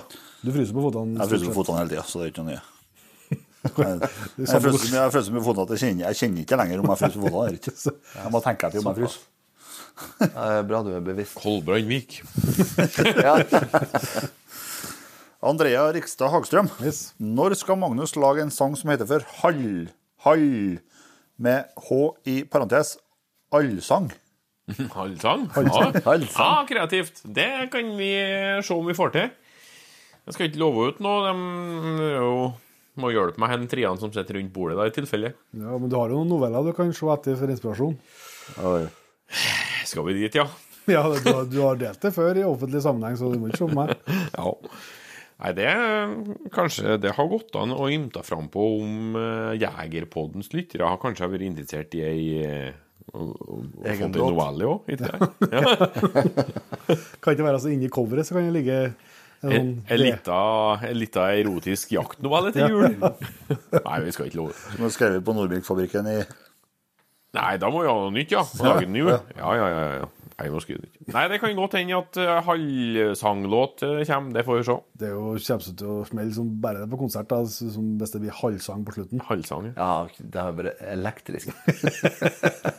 Nei, men det er godt uh, innspill. Jeg har melodien i hodet nå. Ja. Vilt Vestland. Jeg lurer på hvem er det som tåler mest Jegertoners halvvin? Og jeg kan iallfall gjøre helt klart med en gang at den som tåler minst, han spiller gitar. Han spiller gitar og har krølla hår. Ja, det er han som absolutt tåler minst. eh, Men så da hvem som tåler mest av de tre andre? Det er Jeg tror jeg kan eh, heve meg ganske bra på at jeg nødvendigvis ikke Jeg tåler ganske bra, men jeg har jo den eh, dumme egenskapen at jeg blir trøtt, da. Ja, men det er jo for at du ikke tåler det. Nei, men, nei, men det blir jo Når det blir for mye. Når det blir for mye. Nei, men det, jeg tror jeg skal tåle ganske mye før det blir galt, liksom sånn at som folk kjenner som raving og tull. og Sånn som Magnus blir etter en par glass. Det er sagt. Vi har jo, al vi har jo aldri testa. Nei, det er jo en ny konkurranse. Men det er en ny konkurranse. Nå er vi inne på to nye to Ja, nå er vi to faste, gode konkurranser. Det blir ikke scener. det er jo, Kan vi ta den Ja, i men da, da, da, Toskana? ja, men da vi må jo finne ut det sånn at vi skal drikke ei flaske hver, og så skal vi blæsse på noe offisielle apparat. Ja. Så ser vi hvem som har høyest promille. Altså, vi drikker ei flaske hver på én time, og så venter vi halvtime, og så blåser og ser vi hvem som har promille. promille. Det er jo den som har best forbinding. Men det, ja, men det er kanskje litt dumt, det, for at det funker. Altså, det er jo hvordan du, du ser ut etter, for det er jo ikke sikkert at jeg og du liker på én i promille. Jeg tviler jeg på. Nei, det Jeg vet ikke om det er et prosjekt vi skal gjennomføre, men tanken er artig. Tanken er. Ja, Bedsvåg. Mm. Det er Instagram-navn, vet du. Alltid streif vomma, altså et vomskudd, men samtidig treffe vital del og finne dyret innenfor 50 meter. Eller aldri vomskudd, men alltid ettersøk for å finne dyret. Ettersøk på minimum fire timer. Oi. Ja, da Det Jeg skulle til å si A. Ja, det må jo alltid altså Først Ja. så Vi har jo sagt det mange ganger, vi er jo med vi vokser jo på vomskudd til elg. Ja, ja. Sånn at eh, du berger godt med det. Og det er jo og det er noe, og har vært en uh, liten fanesak for min del, det er jo at uh, hvis du først har skutt det første skuddet, så må du fortsette å skjøte. Hvis du ikke ser at det detter rett i hop. Ja. Jeg har vært med på flere x antall ettersøk der skudd nummer to ikke har blitt avfyrt fordi at førsteskuddet var så bra. Og man skulle spare kjøtt, og det var ikke grunn til å skjøte noe mer og alt eh, sånn bortover. Og noen ganger så går jo det veldig bra, noen ganger går det ikke like bra. Men det er aldri verdt det, uansett. Sånn at uh, da tar jeg heller uh, Hvis en gjør om bitte litt på det og tenker at du om ikke det skjer hver gang, for det trenger du ikke gjøre, men at du skjøter et skudd og du ikke ser det, ser det du vil se, så er det bare å fortsette. Om det da er uheldig innimellom å råke vomma, så får en får ta de smellene. Ja, ja. Ja. Det går bra. Det går bra. Eh, Da er et nytt dilemma, og det går rett til Magnus, da, men det kan jo eh, Det kan jo være at flere vil kaste seg på, men uh, eh, forå på, i hermetegn, da, det, det vi får tro at På østlandsk, så Ja. Eh, Bolle. Eh, Forå på gamleria fra Mosvik, eller bytte ut karaven med en polo. Oi. Og Nå må jo selvsagt se for, for oss et univers der ikke du er samboer, da. Ja, men Gamlerøya fra Mosvik Det, Det er jo jo bare- ikke, det finnes jo ikke noe konkret. Det er jo en forholdsvis abstrakt karakter, da. Ja, men ja, men jeg kan Men hvis de går ut ifra det- låta og beskrivelsene som er der, vi, vi, vi så ringer jeg til Sulland og bestiller meg polo, ja.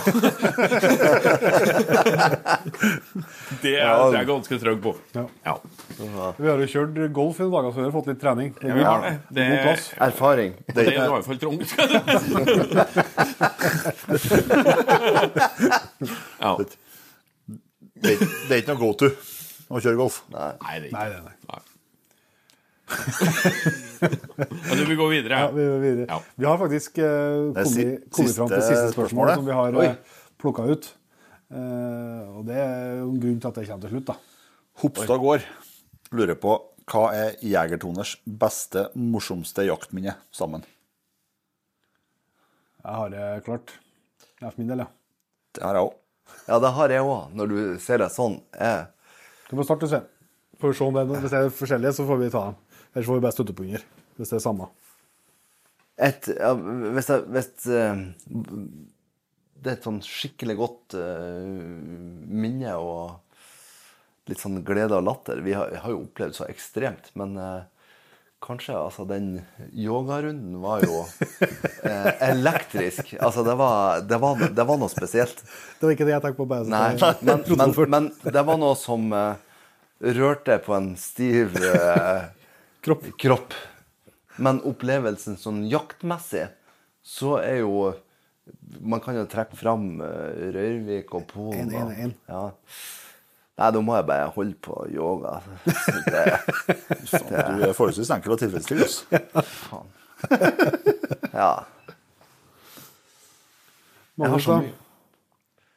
Eh, jo, det er jo mye. Og det er mye som har satt seg fast, og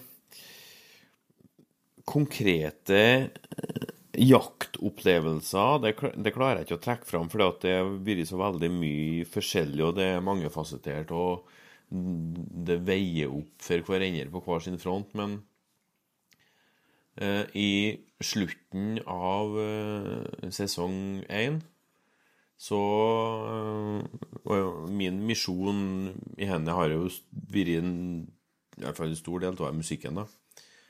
Og jeg gikk mange runder med meg sjøl og jobba lenge med å prøve å mm, få fordøyd alle de inntrykkene som kommer av eh, de turene vi har vært på.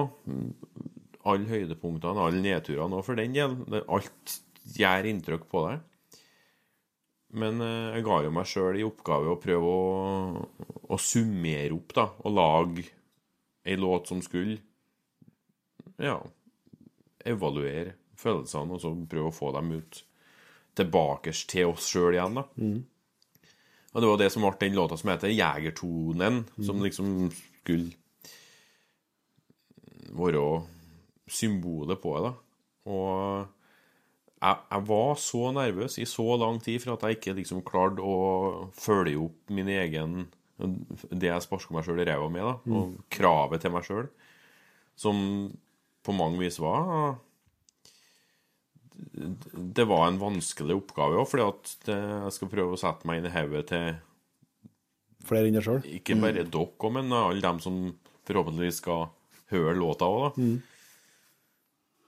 Og tatt kort erfaring i betraktning, så var jeg et ambisiøst prosjekt. Men jeg så reaksjonene til gjengen som satt i den hytta oppe i Namdalen da jeg framførte låta etterpå, så skjønte jeg at her har jeg faktisk fått til det jeg ga meg sjøl i oppgave. Og da, Ah, det var sterkt for meg. Ja, Altså. det var mm. fantastisk øyeblikk.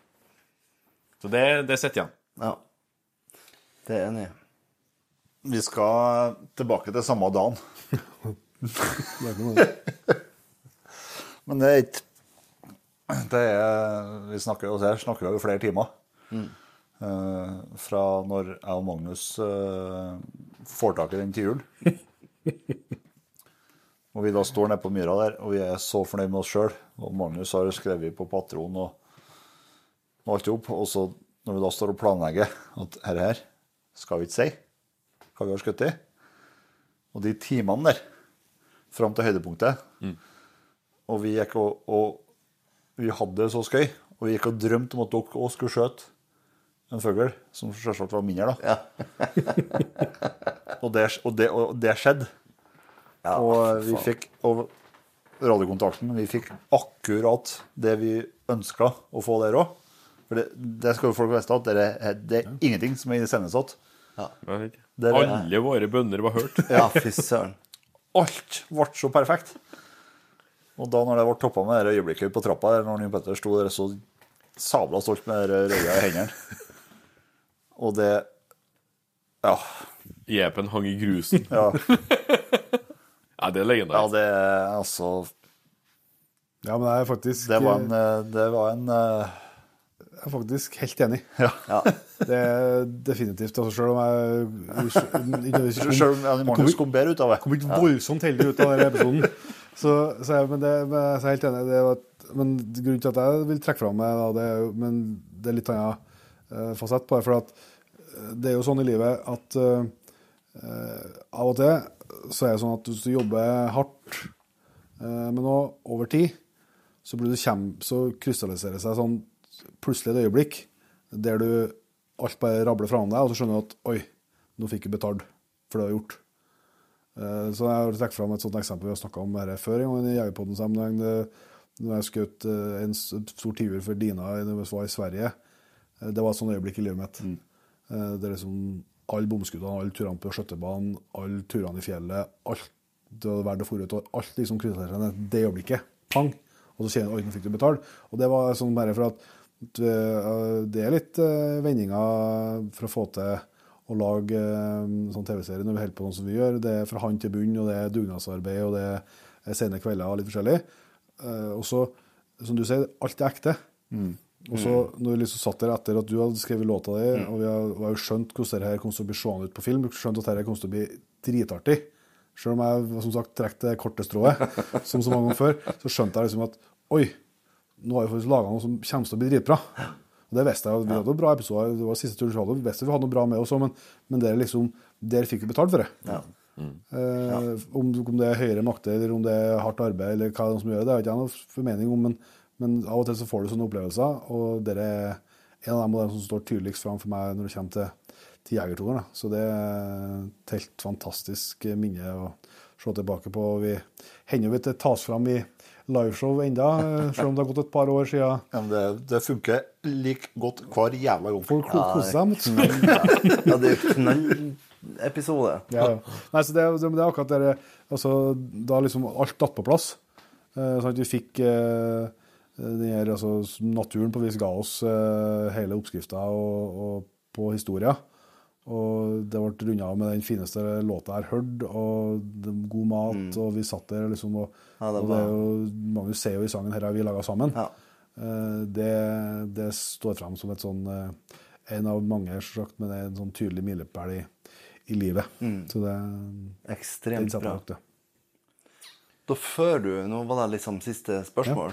Så tenker jeg nå når vi har sett oss og prata og hatt en god samtale, så tenker jeg at uh, alle de her lytterne og de som ser på Jegertoner 1, 2, 3 Altså han eh, Fredrik By i Ravn Film og han Andreas Jørgensen, de er, følger oss jo, og så står bak skjermen. Det er jo vi som er, er framfor, og vi kødder og vi fyrer opp. Og, eh, det er jo òg ekstremt godt jobba av de at de klarer å få vårt øyeblikk der man hopper over bekken eller gjør ting som egentlig er til glede for eh, de som ser på. Yes. Det er veldig bra. Uten dem hadde det på ingen som helst måte vært eh, mulig. Og likeens selvsagt alle som eh, tar imot oss med åpne armer. Og, Og gjestene. Gjester som tar åpne hus og hjem Ja. for oss og gir oss tilgang til indrefiletene og terrengene de har. Og, og alt, så det, det er jo Men uh, igjen, det, hvis en bare har lyst og holder på, så er det utrolig hvor mye bra som kan skje. Og tør å si ja i tillegg, da, så, så tror jeg det kan funke for, for flere enn oss. Ja, fy søren. Men vi, vi kjører Vi får til en sesong fire, eller? Ja, det, jeg tror ikke det er oss som står på. Nei, det er ikke oss som står på, nei. Vi må det. Vi må det. Ja, fy søren. Det var veldig bra at vi fikk uh, trekke fram de gode menn med kamera, for de, eh, de er utrolig dyktige. Vi skal i hvert fall eh, begynne å runde av. Vi skal opp tidlig på post i morgen, eh, så vi kan ikke sitte utover hele natta. Selv om vi, vi- har hatt spørsmål til å gjort det. Ja, vi har kunnet stå til klokka fire. Ja. Det vi skal minne om det, er at eh, vi eh, den 13. desember så skal vi inn til storbyen. Vi skal inn til Tigerstaden. Tigerstaden og ha Jegerpoden live. Yep. Da håper vi at eh, Vi har jo hatt Jegerpoden live på så mange små plasser, og så kommer mye folk, så det er så jæklig kjedelig hvis du skal ha på en stor plass hjemme med lite folk. så, så, så vi håper det kommer Jeg, har, jeg har ikke sjekka, men det er helt sikkert billetter ledig. Ja, det så gjerne gå inn og bestill. Har- Og få med dere eh, siste liveshowet før jul eh, i eh, Oslo. Det blir litt sånn førjulsshow, det, forhåpentligvis. da. Og så har vi jo i samme kveld som dette spilles inn, og trukket eh, en heldig vinner eh, blant eh, det fantastiske Patrion-laget vårt, som eh, har runda 3500 Patrion, som eh, vi har vært inn på mange ganger. Den, eh, den, heldige, den heldige vinneren heter for eh, Jon Lislien. Og eh, det er jo helt magisk å se at det er så mye folk som følger med på livesendinga. Og, og det er jo selvsagt bare én heldig Patrion som kan gå av med premien, da, men likevel er liksom tomla opp, og folk gratulerer vinneren, og det er god, eh, god stemning i jaktlaget, og det setter vi, setter vi veldig, veldig høyt. Og vi har òg fått eh, sjansen til å eh, komme med en eh, nytt mål og ny premie. Ja. Vi må nevne det òg. det er sånn at eh, skulle vi snuble til å ryke på 4000 Patriens Ja. Altså, nytt tall, altså 4000, 4000. Da, skal trekkes igjen. Da skal trekkes igjen. Og eh, da må, måtte vi måtte begynne å snurre på hodet og finne til nye premier òg. Yes. Så da mm, Premien for når og om vi når målet Ja. om 4000, det er, det er da en eh, Blazer R8 Ultimate Yes. med justerbar kålbærkappe og montasje. Med Jegerpodden-logo Yes. og eh, med valgfri Blazer B2-kikkert Yep. En ganske hyggelig premie i seg sjøl. Men det er bare del én. Det er del én. Og del to eh, står ikke noe tilbake deler. Det er altså en eh, firhjuling, ATV som heter, heter. Eh, som vi har fått til Blazeren har vi fått til i et spleiselag i lag med, med våre venner i Blazer Norge og våre venner i Gjelde Maskinservice og BRP.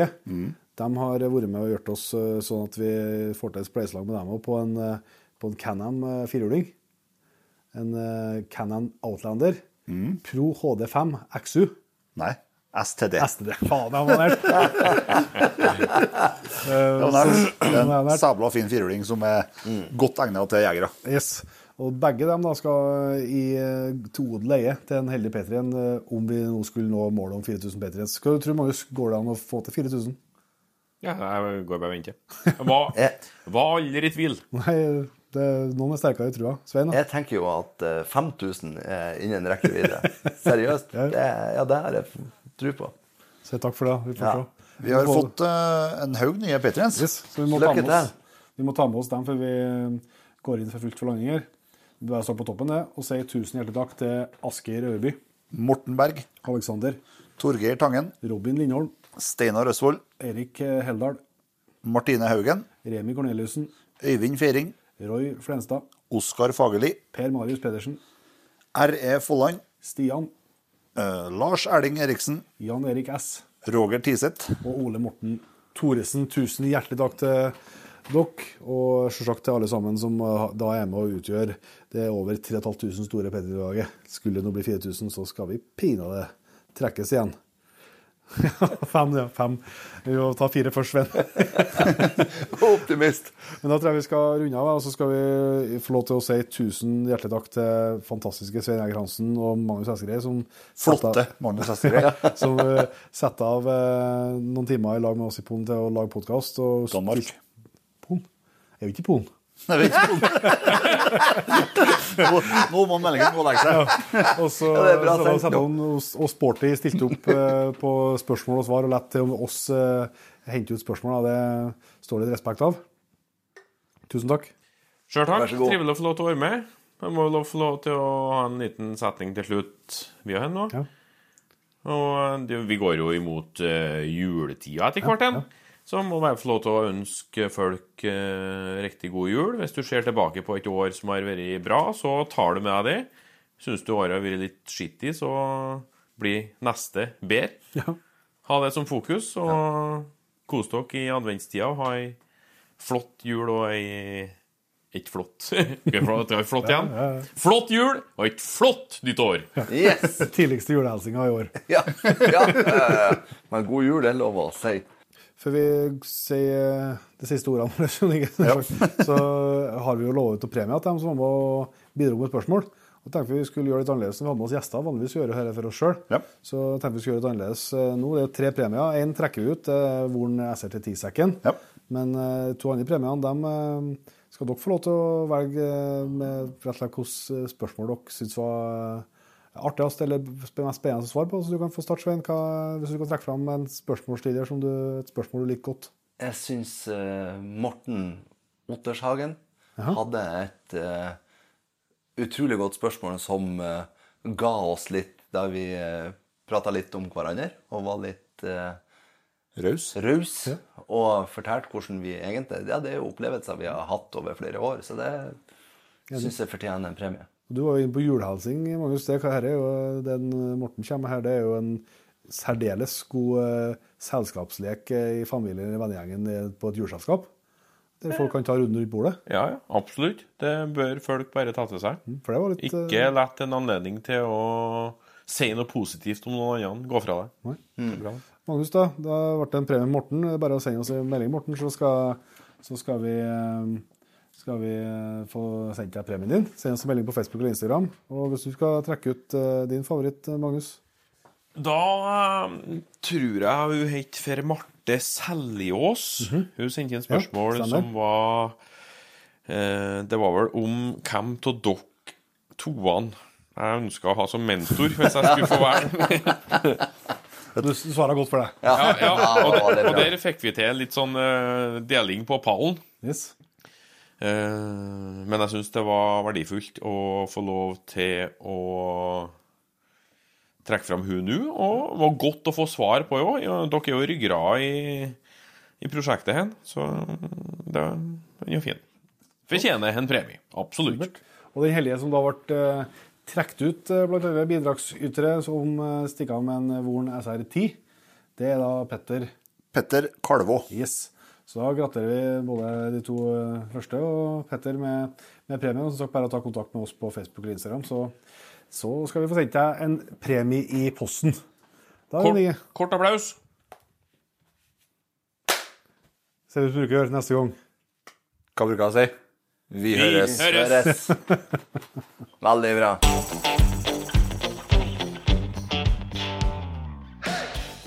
Tusen hjertelig takk for at du valgte å bruke litt av tida di på Jegerpodden. Sjekk ut jegerpodden.no eller eh, din favoritt podkastspiller for enda mer innhold og flere episoder. Følg også Jegerpodden på Facebook og Instagram, og ikke minst, husk å fortelle alle gode venner, familie og tilfeldige forbipasserende om Jegerpodden, sånn at vi får spredd det glade budskap videre. Vi høres.